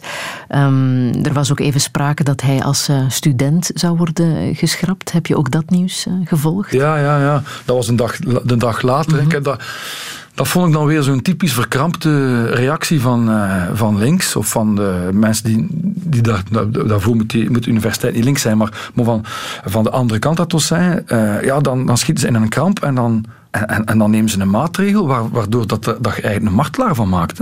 En, en het, het, het, recht ontzijn om zijn diploma te halen, daar, ik vind dat dat veel te ver gaat. Want dan creëert je martelaarschap. Kijk, dat ze hem uit de, uit de raad van bestuur van de UNIF gezet hebben, dat vind ik logisch. Mensen met zo'n meningen horen niet thuis in een orgaan dat een, dat een universiteit moet besturen, die toch open-minded moet zijn. Die moet, dat moet een venster op de wereld zijn. Dat, dat, dat, zo iemand moet daar niet in zitten. Dat vind ik logisch. Maar iemand het recht ontzijn om zijn diploma te halen, puur op basis van al dan niet vrije meningsuiting die over de wettelijke rand gaat of niet, dan nog, stel dat hij er nog over gaat, dat dat illegaal is wat hij daar allemaal gezegd heeft, dan nog vind ik dat, dat iemand het recht ontzijn om zijn diploma te behalen, dat vond ik een, een stap te ver. Maar begrijp je dat jonge mensen anno 2018 zich verenigen in een groepering als Schild en Vrienden? Uh, ik begrijp dat zeer goed, maar wij, dat is geen nieuw fenomeen. Hè. Dat, dat, als, als ik jong was, bestond, dat al. Ik zelf, ik was bij TNSV. Dat is ook geen, eh, geen, geen studentenvereniging van doetjes. Van, uh... Maar je zou kunnen zeggen, jij hebt een rechtstreeksere link gehad met jouw vader, hè, die net uit de Tweede Wereldoorlog kwam als Oostfronter. Je kreeg het van thuis uit mee, dat gedachtegoed. Maar we zijn 2018. Dat is waar. Maar volgens mij is dat een, ehm, een gedachtegoed dat aanwezig zal blijven en dat we nooit naar nul gaan kunnen reduceren.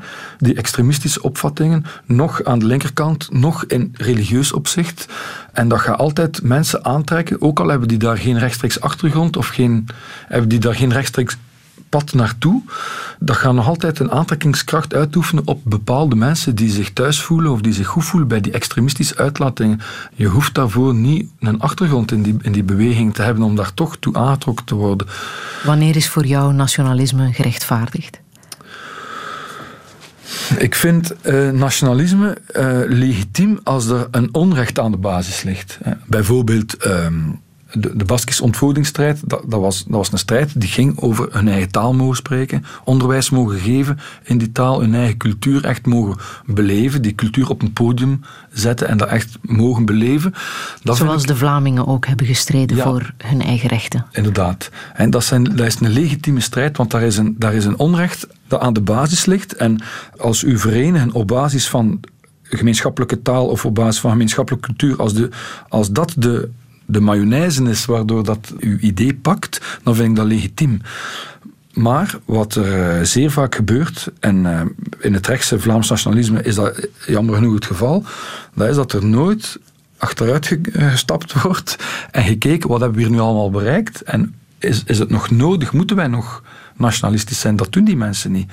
Als je met die Vlaams Belangers of met die Schild en Vrienden, die, die streven naar een soort utopie waarin Vlaanderen een soort eiland is tussen al onze buren, die dan nog liefst uh, blank is en waar maar één taal gesproken wordt.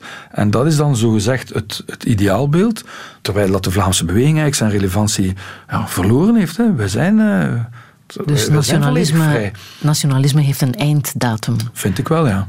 Je ziet ook aan het Vlaams nationalisme, als, dat, als die einddatum niet in, acht genomen wordt of daar niet over nagedacht wordt, dan verwoordt dat tot een extremistisch gedachtegoed dat dan maar zijn andere ideeën bij andere extremistische gedachten eh, gaat gaan halen.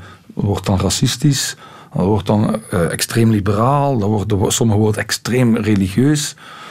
De nuance gaat er dan eigenlijk uit. Heb jij nog voeling met de ijzerbedevaart? Uh, niet meer, nee. Ik ben uh, gans mijn jeugd elk jaar naar de ijzerbedevaart gegaan. Ik denk dat twintig keer op rij geweest ben of zo. Maar eh, begin jaren negentig, eh, toen ik dan muzikant geworden ben en dan in linkse vriendenkringen uh, terecht kwam, ben ik niet meer gegaan. En dan in 1996 is dan het schisma gekomen. Dan heeft extreem rechts zich eigenlijk afgescheurd onder leiding van het VNJ en van Vlaams Blok. hebben die zich afgescheurd van de, de meer genuanceerde stroming, waardoor dat, dan, dat er dan twee bewegingen op gang gekomen zijn. En de ijzerwaken is dan de extreemrechtse variant. Daar ben ik nooit naartoe geweest en zal ik ook nooit naartoe gaan. En hoe was dat voor jou om te zien dat het VNJ amok ging maken op de IJzerbedevaart, waar de soldaten van de Eerste Wereldoorlog uh, werden herdacht? Ja, Dat, ik vond dat heel, heel pijnlijk. Heel pijnlijk. Uh, anderzijds had ik, uh, doordat ze dat gedaan hebben en doordat ze zo duidelijk ja, uh, en zo lomp een, een, een, standpunt duidelijk maakten, daar op die ijzerbedevaart beginnen vechten eigenlijk, op de graven van de soldaten van de Eerste Wereldoorlog, ja, beginnen vechten op een, op een vredesmanifestatie. Ze gaven mij dan een zo duidelijke stok om te slaan. In mijn boek beschrijf ik het anders. In mijn boek uh, schrijf ik dat ik nog één keer mijn combat shoes aangedaan heb, maar dan was het om de deur van extreem rechts keihard dicht te stampen. En toen, op, op die ijsbedevaart, heeft er, is er wel een soort woede in mij losgekomen. Tot daarvoor was ik eerder gelaten en, laten we zeggen, opgelucht dat ik niet meer in die, in die beweging uh, zat. De aanleiding was de modernisering. Hè? De, de oude woorden hè, die nog uit de, de, uit de loopgrachten kwamen, daar waren woorden bij als godsvrede. Ja, dat, is een beetje inhoudsloos, dat was een inhoudsloos woord geworden. Uh, dus dat IJzerbedevaartcomité van toen wou die, wou die woorden moderniseren. Dus uh, zelfbestuur werd dan vrijheid en um, vrede kwam er ook in. En uiteraard, ja, dat werd de verdraagzaamheid genoemd. Eh, de godsvrede werd dan vervangen door, door verdraagzaamheid. Maar ja, extreem rechts. Die VNJ'ers en die Vlaams blokkers die konden daar absoluut niet tegen dat dat woord gebruikt werd. Hè. Want ja, dat werd verdraagzaamheid, dat was al sinds Zwarte Zondag 91, werd dat woord een beetje geclaimd door links om te schieten op, op rechts of op extreem rechts. Dus alles als het, woord verdraagzaamheid in de mond genomen werd, natuurlijk, dat was tegen extreem rechts. En dat, dat, werkte echt als een rode lap op een stier. Ben jij voor behoud van tradities? Um, in zoverre dat ze relevant zijn voor de emoties van de mensen van vandaag, ja. Bijvoorbeeld Sinterklaas, ja. Dat vind ik een prachtige traditie, want de kinderen kijken daar naar uit, komen echt speelgoed brengen. Maar een traditie behouden onder traditie, nee. Dus een traditie mag aangepast, gemoderniseerd worden. Moet zelfs, hè. Moet mee evolueren met de emoties van de mensen. Hè. Als een traditie niet aanhaakt bij de leefwereld van de mensen, dan is dat rijp voor het museum. Dan is dat geen traditie meer, dan is dat, dan is dat rijp voor het museum. En als een traditie niet evolueert, als een traditie niet leeft, dan is dat eigenlijk geen traditie.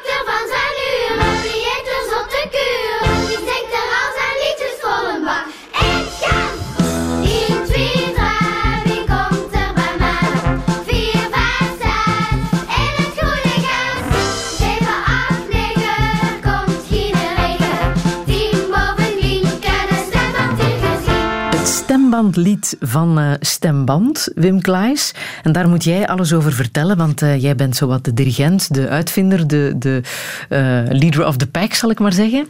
wie zijn Stemband? de Stemband is een, een kinderkoor voor kinderen van de lagere school. En aan die kinderen leer ik de, de oude Gentse liedjes aan, in dialect. Dus ja, en we bestaan nu drie jaar. Dat is elke week repetitie. En nu op het einde van de maand, 27 november, komt onze eerste cd uit. En is dat naar aanleiding van uh, de Week van het Gens? Ja.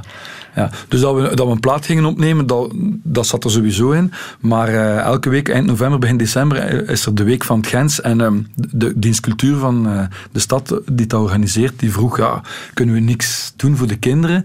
He, want ja, het Gens dialect is iets dat nog leeft bij 40-plussers, maar daaronder is dat eigenlijk uh, niet meer zo. En dan dacht ik van ja, laat ons dan een keer beginnen met de essentie en dan laten we dan de liedjes aanleren aan de kinderen. En dus we, we gaan een, een, zangfeest organiseren in de Bijloken. We gaan er eigenlijk twee doen, want het succes was zo groot. Er hebben zoveel scholen op ingetekend, er komen 1600 kinderen naartoe. En nu ben ik, ben ik bezig met een tour door de Gentse scholen om, al, om die liedjes te gaan aanleren. En dan ah, eind november komen, die, komen al die kinderen naar dat zangfeest. Maar ze kennen dus de liedjes al, dus het wordt een echt zangfeest. Niet one way, van podium naar de zaal, maar het zal samen gebeuren. En ja, het gaat een beetje opgevat worden als uh, een wedstrijd tussen het publiek en, en, het koor op podium. Hè. Ah, en begrijpen ze nog waar die liedjes over gaan? Ik moet uitleggen hoor. Ja. Ja, En uh, ja, ja, Kleiwe, bijvoorbeeld, in, in, in, in het liedje Het Vlierke, dat het bekendste Gentse volksliedje, hè, uh, zijn bolletjes Kleiwe, dat moet echt uitleggen dat ja. dat touw is. Hè. Kleiwe, dat zegt niemand meer. Ja. ja. En vind je nog makkelijker die Gentse liedjes? Want waar heb jij ze gevonden?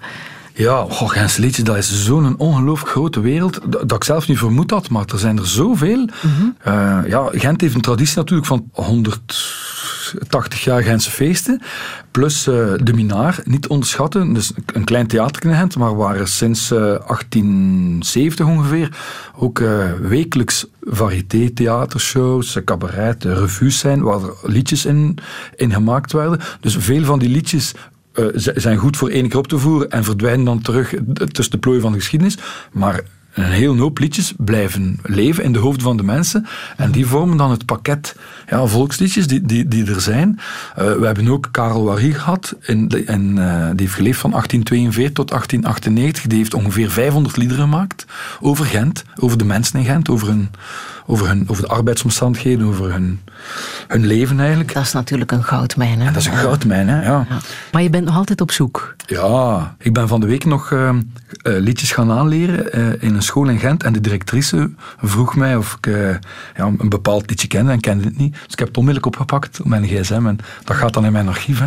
Maar waarom vind je dat zo belangrijk? Is dat om dat uh, dialect, het Gens dialect, te kunnen bewaken en bewaren? Nee, nee. Dus ik word heel vaak voorgesteld als zo de, de ridder die het Gens dialect bewaart, maar daar is het mij echt niet om te doen. het is mij te doen om de liedjes zelf de liedjes die hebben zo een verbindende kracht. Kijk, ik ga, ik ga nu gaan zingen in scholen waar er gemakkelijk ja, twintig nationaliteiten voor, voor, voor mij zitten. Maar je leert ze Rosalie aan of je leert ze Timelu Pamelu aan. En al die kinderen zijn van Gent, hè, want ze zingen allemaal een Gens liedje. Dus het is de, de verbindende kracht uh, die in die liedjes zit. Daarvoor doe ik het eigenlijk. Ja. Omdat, ons dat, uh, omdat on, dat onze identiteit in Gent bepaalt. Of mee bepaalt, die liedjes. Ja. Dat dialect verdwijnt daar is niks aan te doen. Ik ga niet uh, op de barricade gaan staan uh, om, om, om, om dat dialect te. Een, een, taal, vol, volgens mij is dat iets van, ons onbewust collectieve uh, leven. En je kunt daar als individu of als groep individuen kunt niks veranderen aan het feit dat een taal sterft. Kijk maar naar het Latijn. Hoeveel moeite dat men ook doet, zelfs tot in academische kringen, om dat Latijn in leven te houden. Je krijgt dat niet, niet meer terug in leven. Dus maar wanneer spreek jij nog platgens? Oh, zoveel mogelijk. Ja. Ja? Ik ben erin opgevoed. Hè. Tegen Ja. mijn kinderen bijvoorbeeld spreken. Ja? Maar ik doe dat niet omwille van dat Gens, ik doe dat omwille van mezelf. Omdat ik, ik vind, als ik Gens spreek, als ik dialect spreek, dat is gelijk dat ik een andere persoonlijkheid heb dan. Daar is een verschil tussen de Wim die AN spreekt, of probeert, zoals nu, eh, en, de, en de Wim die, eh, die, die, die plat Gent spreekt, met mijn mama, met mijn zus, met veel van mijn vrienden, eh, op café in Gent. Op mijn optreden spreek ik ook eigenlijk vaak plat Gens. Ehm, Maar je hebt een echte Gentse huig, R. rrr, Ja. Maar daar zit ook een evolutie in, hè? Dat is niet altijd zo geweest. Nee, is waar. Ja, mijn grootvader bijvoorbeeld, die sprak met de r, met de ro- rollende r. Ja, Moederskant. moederskant, ja. Fonds. Die grootvader heb ik volgens mij in ons archief gevonden. Ja? Ja. Hij heeft ooit een interview gegeven aan de reporter van Echo. En dat ging over de Gentse feesten, wat ze daar toen blijkbaar de kermis noemden. Wel, hoe waren de kermissen vroeger? Ja, vroeger ons kermis was eeuwig wel. Ze was goed, we met plezier. En we konden ons goed amuseren. Maar nu voor ons een tat, of ons mensen van jaren, die is een duurkisten geworden. Dan is er geen plezier meer. Wat doen de mensen dan? De mensen gewoon op praten. Ze zijn meer weg uit de stad, plaatsen van hier in de stad te kunnen blijven worden en plezier te kunnen mogen. Die- Dat is voor ons eigenlijk voor mensen van jaren een duurkisten geworden. Touché. Kleine vertaling, Wim Klaes, dit was echt jouw grootvader. Echt, hè? Ja, ja, ja. 62. Ah, Zalig. Ja, zijn beklag aan het doen over de Gentse feesten die Ja. een doodskist zijn geworden. Ja. Zoiets. De mensen van Joren. Ja, ja. Zalig, hè? Ja. Maar zeg, dat, dat jullie dat gevonden hebben. Ik wist dat dat bestond, maar het doet mij toch wel, het troert mij toch wel om het nog een keer terug te horen. Ja. Was hij betrokken bij de Gentse feesten? Nee, nee, nee, hij was eh, gewoon arbeider bij de spoorwegen. Maar eh, ja, hij was geboren in 1894. Dus op die moment, 62 eh, plus 6, 68 jaar. Eh, dus eh, net op pensioen. Hij was hij betrokken bij de Hensfeesten. Maar ja, de Hensfeesten bestaan sinds 1843, dus hij had dat heel zijn leven ook gekend hebben. Hè. Maar toen zat het even in een dipje, Ja. dat was duidelijk. Ik heb, ik heb beelden gezien van, ehm, van, van de korenmarkt tijdens de Gentse feesten. En dat was uh, gewoon niks te doen. Niks. Al de rolluiken naar beneden van de winkels. Ook uh, in het begin van de Gentse feesten, als toen dat de, de revival uh, begon. Ik heb een vriend die er toen bij was en die zei, ja, dan ging ik met mijn auto naar de Gentse feesten. En ik parkeerde mijn auto aan trefpunt, aan de deur van trefpunt. En ik stak de straat over naar dat pleintje. En daar waren de Gentse feesten. Op het plankier, op het trottoir van, van trefpunt waren geen Gentse feesten. De Gentse feesten waren op het pleintje. Je auto parkeren aan trefpunt, dat moet je nu niet meer proberen. Ja, kan nog, hè? Kan nog, maar ja. weinig maar kans ben jij, ben jij nostalgisch? Ik ben niet zo nostalgisch, nee. Uh, maar ik denk dat iedereen wel een beetje nostalgisch is. Hè? Als men terugdenkt aan zijn jeugd. Ik ben uh, even goed dan nostalgisch, maar ik, ik huiver een beetje van de nostalgici die vinden dat vroeger alles beter was. Omdat dat een soort ontkenning is van de, van de moderniteit en van het, het feit dat er nu ook veel goede dingen gebeuren waar we soms over kijken. Als het vroeger zoveel beter was, ja, dan is de levensverwachting van nu al niet meegerekend, want het is nu beter, hoger dan, dan, dan vroeger. Zeker als je in mijn vak zit, in de, in de volk, in de volksmuziek, dan word je vaak geconfronteerd met nostalgie. Um, Je zou inderdaad kunnen denken, mensen die met volksmuziek bezig zijn, die willen het laten klinken zoals vroeger. Hè? Ja, tegen die stroming binnen de volksmuziek heb ik me altijd verzet de mensen hebben het recht hè, om museummuziek te maken. Dat mag van mij. Hè. Of om, een, uh, om kleertjes aan te trekken die de boerinnekes 200 jaar geleden uh, droegen en daar dan mee, te gaan dansen op, op muziek van toen. Dat, dat mag voor mij. Het is niet de mensen het recht niet hebben, maar dat heeft, dat heeft voor mij geen relevantie. Het is weer hetzelfde. Hè. Nostalgie, dat staat tegenover wat is de relevantie van vandaag?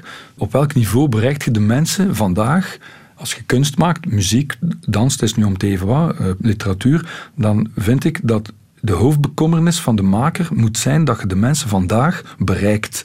Dat ze kunnen, hun, emotie, hun emoties kunnen aanhaken aan de emoties die jij in je werk probeert te steken. En nostalgici die doen bij uitstek dat niet.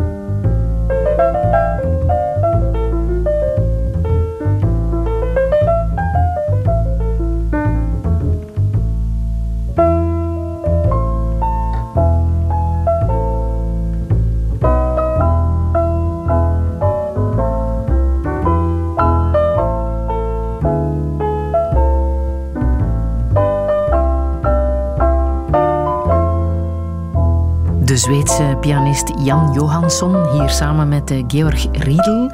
Deze week is het ook uh, precies 50 jaar geleden dat hij uh, is verongelukt. Hij was 37, een beloftevolle Zweedse pianist en componist, Wim Klaes. En jij bent hier geweldige fan van. Ja, ik vind dat echt een geniaal muzikant. Het is ook heerlijke muziek, hè? Ja, ja.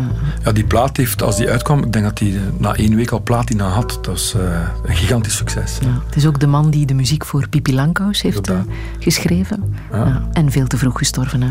37 is altijd te vroeg. Ja, ja. Jij hebt vier kinderen, hè? Ja, vier meisjes. Hoe muzikaal zijn zij? Oh, redelijk muzikaal. Mijn oudste dochter, die is, um, ja, dat is echt een goede violiste aan het worden. Uh, die vorig jaar uh, een jaar in Argentinië uh, vertoeft. Dus een soort gap year tussen humaniora en verder studeren. En die heeft daar een half jaar conservatorium kunnen doen. Zo Tango Nuevo, uh stijl en zo, maar dan op viool. Dus haar spel is heel goed uh, vooruit gegaan. Mijn tweede dochter is, die heeft een aardje naar haar vaartje. Die kan niet goed kiezen welk instrument dat ze uh, gaat kiezen. Dus die speelt wel een instrument of vier. maar ja, dus ook op de gitaar zeer goed bezig. En mijn twee kleintjes, die zingen fantastisch goed. Ja. Want hoeveel instrumenten heb jij zelf Oh, een aantal kan ik niet tellen, dat weet ik niet. Maar soorten instrumenten? Ja, so, well, ik, ik, ik studeer op zes instrumenten instrumenten eigenlijk. Dus daar mhm. ben ik mee bezig. En dat is dan? Ja, uh, de strekzak is mijn hoofdinstrument, diatoons akkoorden dus. Dan speel ik het meest viool. Ik speel het liefst dudelzak, maar uh, Zweedse dudelzak, alleen maar daar geen Schotse toestanden. Uit, ja, want er bestaan ontzettend veel uh, doedelzakken, heb ik geleerd uit jouw boek. 130 soorten? Ja, ja ongeveer. Hè, ja. ja. Uh, dat is ook informatie die ik uit, de MIM, uit het Muziekinstrumentenmuseum in Brussel heb gehaald. Hoor. Ja. Maar als je, als je zou een, een, ehm, een, een lijn trekken van, van India naar Marokko en van Marokko naar de Noordpool en van de Noordpool terug naar India, elke cultuur die onder die driehoek zit, heeft minstens één type doedelzak. ja. En dat een trekzak niet hetzelfde is als een uh, accordeon, dat heb ik ook geleerd. Yes. Een trekzak eigenlijk moet ik zeggen harmonica. Oh, ja. Dus in de harmonica's hebben twee familieleden, de mondharmonica en de trekharmonica. En trekharmonica lijkt zeer goed op een accordeon, maar heeft ook uh, blazen en zuigen een andere noot. Dus dat is het fundamentele verschil. Mhm. Ja. Jouw kinderen hebben hun grootvader niet gekend, hè? Wat vertel je over jouw vader aan hen? In de eerste plaats dat een zeer eh, lieve, zachte en grappige man was. Dat, mhm. eh, dat is het eerste wat ik vertel. Ik vertel er eigenlijk niet zoveel over, om, ja, omdat dat ook niet zoveel, niet zoveel ter sprake komt. Maar wel, zijn oorlogsverleden is wel al natuurlijk ter sprake gekomen. En dan probeer ik dat toch te duiden. In wat voor sfeer en, en wat voor tijdsgeest dat, dat, dat kunnen gebeuren is. Ik heb meer een toon van, moet een keer denken zeg, wat hij niet durf, wat hij gedaan heeft. Hij heeft meegedaan met Hitler, moet ik denken zeg. en welke uh, vragen hebben zij daarover? Want het is alweer een andere generatie. Hè? Ja. Alweer een volgende generatie. Ik heb de indruk dat dat zo ver van hun bed is, ja? dat ze eigenlijk eerste keer zouden moeten goed de geschiedenis te horen krijgen van het nazisme en van de Tweede Wereldoorlog en hoe dat alles kunnen gaan is, om de impact uh, daarvan, van het feit dat hun grootvader gecollaboreerd heeft, om dat te kunnen inschatten het is een beetje eil nu voor hen. Mm. Uh, van, ja, onze grootvader die we nooit gekend hebben, die gestorven is voor onze geboorte, heeft blijkbaar uh, tijdens een oorlog gecollaboreerd en is dan ter dood veroordeeld. Voor die kinderen is het een beetje, een beetje eil. Mm. Ja. Waarin geloof jij? Als, het als, als een religieuze vraag is, dan moet ik antwoorden in nergens in. Maar um, geloven, voor mij valt geloven uiteen in twee componenten. Je hebt dat het religieuze geloven of ook het geloven in wat anderen u zeggen, hè, dat dat waar is. Dat is één geloof. Uh, op dat standpunt sta ik um, als een, een scepticus. Dus uh, ik, uh, ik geloof niet. Als jij mag zeggen, ik heb 100.000 euro in mijn broekzak zitten en dan, ik ga u niet geloven totdat ik die ga gezien heb. bij manier van spreken. En, maar dat is ook zo bij een godsbeeld. Hè. Dus ik, kan, ik kan dat niet aannemen zonder dat ik daar zelf een, een soort engagement in voel. Um, met engagement bedoel ik zonder dat ik dat met mijn eigen ogen of mijn eigen gevoel als voorwaar kan aanzien.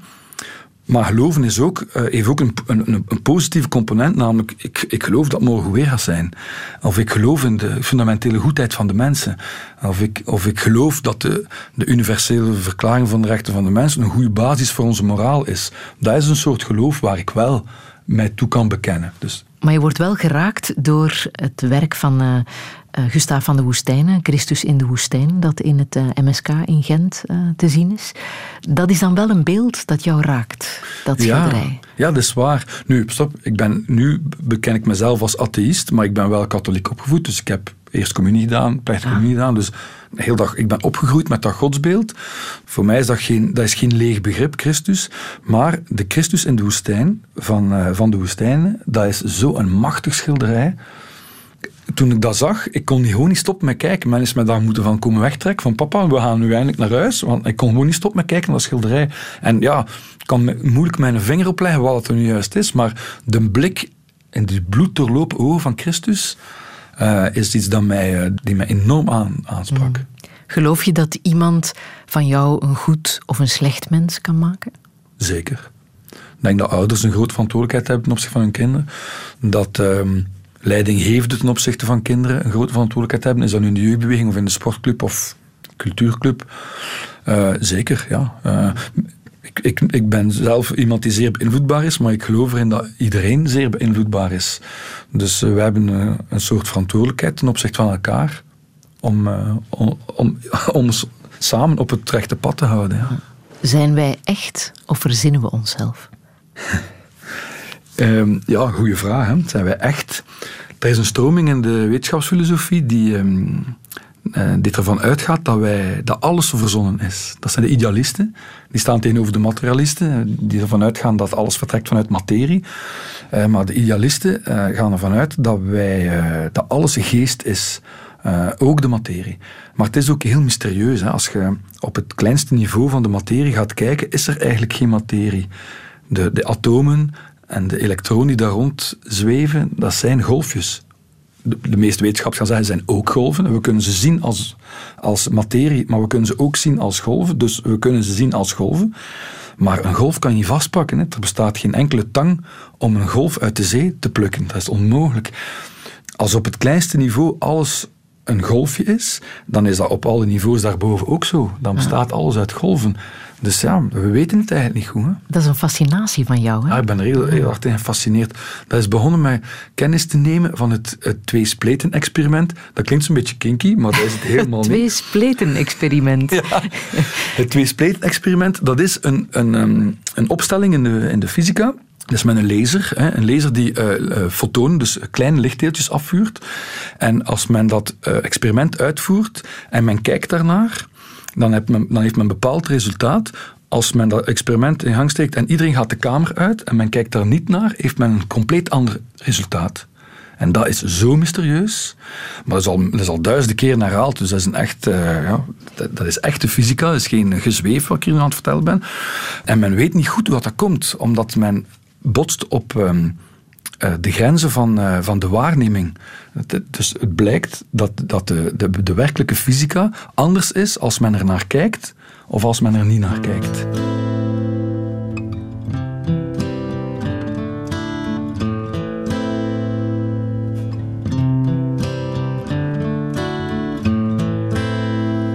I hurt myself today to see if I still feel. I focus on the pain, the only thing that's real. The needle tears a hole, the old familiar sting. Try to kill it all away but I remember everything. What have I become? My sweetest friend. Everyone I know goes away in the end, and you could have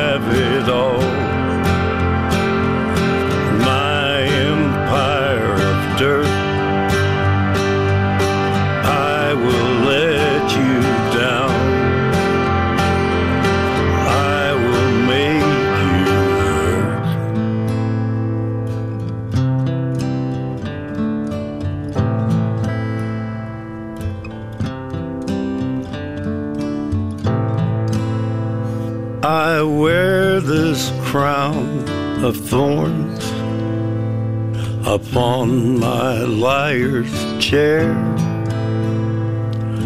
full of broken thoughts I cannot repair. Beneath the stains of time, the feelings disappear. You are someone else. I am still right here. What have I become? My sweetest friend. Everyone I know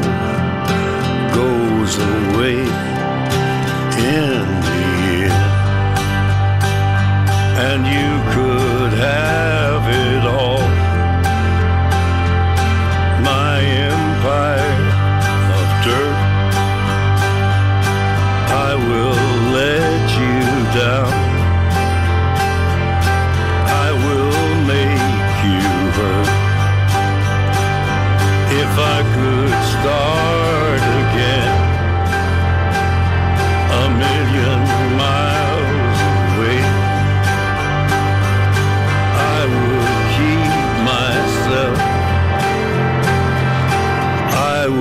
find a way. Johnny Cash en eh, het laatste nummer dat hij heeft opgenomen in zijn leven, hè, Hurt, Wim Klaes. Welke betekenis heeft dit lied voor jou? Wel, ja, daar kan ik moeilijk de vinger op leggen. Maar ehm, toen ik dat nummer ontdekte, heb ik dat misschien twintig keer naar elkaar beluisterd. Ehm, die piano die daarin zit, die is zo mysterieus. Daar is zo één noot die maar blijft doorgaan. Als je het goed nagaat, is dat, is dat eigenlijk dus de spil van heel dat nummer. Die ene noot. En soms wringt die en soms eh, is die in, in, in, in, harmonie. En ook de, de, de kleur van zijn stem. Ik ken ook het originele nummer. Ehm, Nine Inch Nails. ja, Nine Inch Nails, voilà. Maar ja, Cash die voegt er toch een dimensie aan toe, omdat hij inderdaad zo dicht bij de dood staat, met die gebroken stem van hem. Ah. Wat doet jou pijn? Mm. Ehm, wat, dat mij, wat dat mij kan pijn doen, is eenzaamheid die ik voel ten opzichte van mijn vrienden. Soms zijn mijn vrienden niet nabij genoeg. En eh, dan kan ik, eh, kan ik pijn ervaren in de zin van eenzaamheid. Is dat de verbondenheid die je hebt gekend bij het VNJ en die is weggevallen? Die Zeker weten. intensiteit? Ja, ja. Ik zie die mensen af en toe een keer en dan zie ik dat zij nog altijd een hechte kliek zijn die samen op reis gaan, die samen op weekend gaan, die samen feesten vieren. Eh, en dat doen die al 30 jaar. Eh, Men vergroeit dan met elkaar. Eh, de band wordt ook iets tussen vriendschap en familie. Daar wordt daar zoiets tussen. En ik zat daar vroeger bij. Ik heb, daar, ik heb zelf de beslissing genomen om daaruit te stappen. Maar er is geen alternatief voor in de plaats gekomen. En ik kan dat wel eh, heel hard missen, ja. Gaan jouw kinderen naar een jeugdbeweging? Ja, ja, ja. Dat was ehm, eigenlijk het enige dat wij in de opvoeding van onze kinderen als eh, verplicht eh, hebben gemaakt. Ze mochten kiezen of ze wouden zwemmen, muziek spelen, ballet dansen. Dat mocht alles, niets moest, maar naar de scouts, dat moest. Dus De ja, scouts. de scouts, mocht Giro zijn ook, maar bon, het is nu scouts geworden dat het dichtst bij de, in de buurt was. En weet je wat ze daar allemaal uitsteken bij de scouts? ik wil het soms niet allemaal weten. ja, maar het is een zeer goede jeugdbeweging. Ehm, kijk, de essentie van een jeugdbeweging, vind ik, is eh, kinderen opvoeden tot sociale, tolerante, antiracistische mensen. Eh, dat is de essentie van, van jeugdbeweging. En ik zie dat dat gebeurt bij mijn dochters. En ik zie ook dat zij nu een vriendenkring rond zich aan het opbouwen zijn, eh, die ze hopelijk voor hen, eh, voor de rest van hun leven, gaan kunnen bij zich houden. En als dat gebeurt, dan ja, is dat geslaagd. Wat doe jij om gezond te blijven? Ehm, ik probeer op mijn eten te letten. Ik probeer eh, mijn alcoholverbruik eh, te reduceren tot een paar weken per jaar. Ik kan er nogal gemakkelijk aan laten zeggen. Ik zeg soms mijn boetade van ik kan niet drinken, ik kan alleen maar zuipen. Eh, dus ik probeer vaak mijn alcoholverbruik gewoon tot nul te herleiden. Ik heb nu net een, ehm, een periode, een droge periode achter de rug van nieuwjaar tot en met de Gentse feesten. Wauw. Ja, en dan september eh, en tot midden oktober weer. En dan ben ik weer van plan van, om na nieuwjaar weer een half jaar niet te drinken. Ja. En, Roken doe je ook niet meer? nee, dat doe ik niet meer. Oh, daar ben ik zo content van dat ik dat niet meer doe.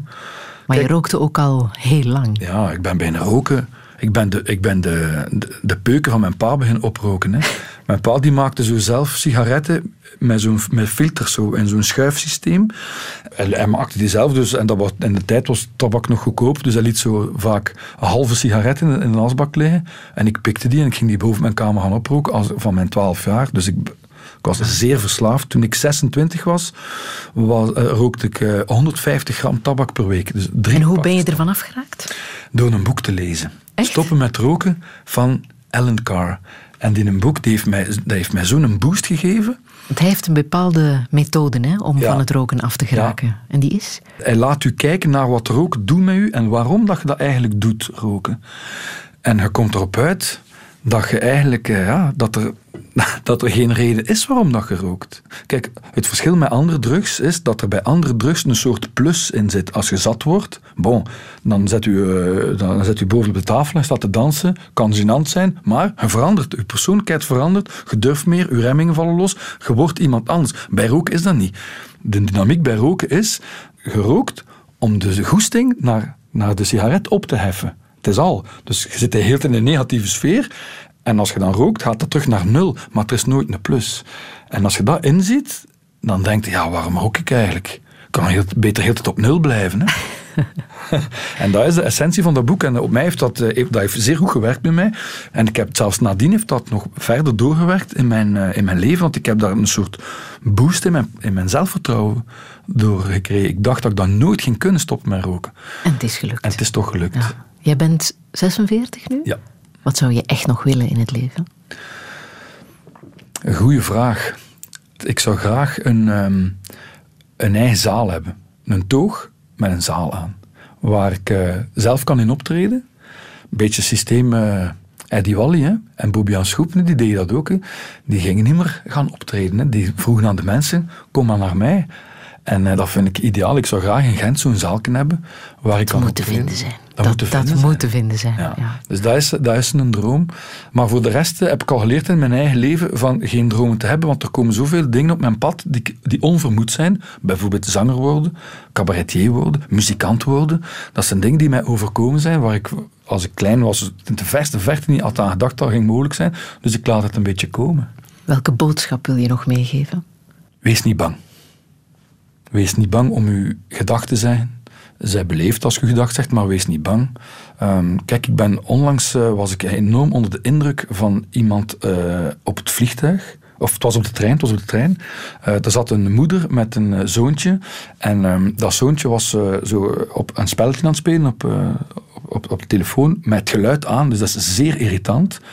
En iedereen in de coupé, je gevoelde aan de mensen, was geïrriteerd. En dan was er één man die zich rechtgesteld heeft, die naar die mevrouw gestapt is, die bijna fluisterde tegen die mevrouw, mag alsjeblieft dat geluid af. En die mevrouw heeft dat gedaan en die mensen zich rustig weer gaan neerzetten. En ik vond dat zo indrukwekkend. Maar die man was niet bang om zich recht te stellen en naar die vrouw te stappen en te vragen, mag dat alsjeblieft af? Ik vond dat zeer indrukwekkend. Hij was niet bang.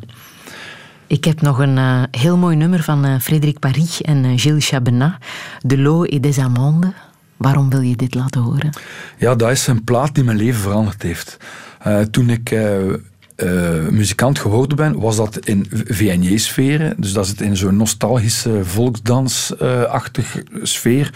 Met melodieën die ja, zeer saai zijn eigenlijk. Maar die twee muzikanten hier, twee Fransmannen, die, eh, dat zijn echte folkies. De, die komen echt uit, uit de traditie van Centraal-Frankrijk. De een speelt draailier, de ander speelt klarinet. En toen ik die muziek voor de eerste keer hoorde, dacht ik van, aha, zo kan het ook. Dat is de richting die ik uit wil met mijn muziek.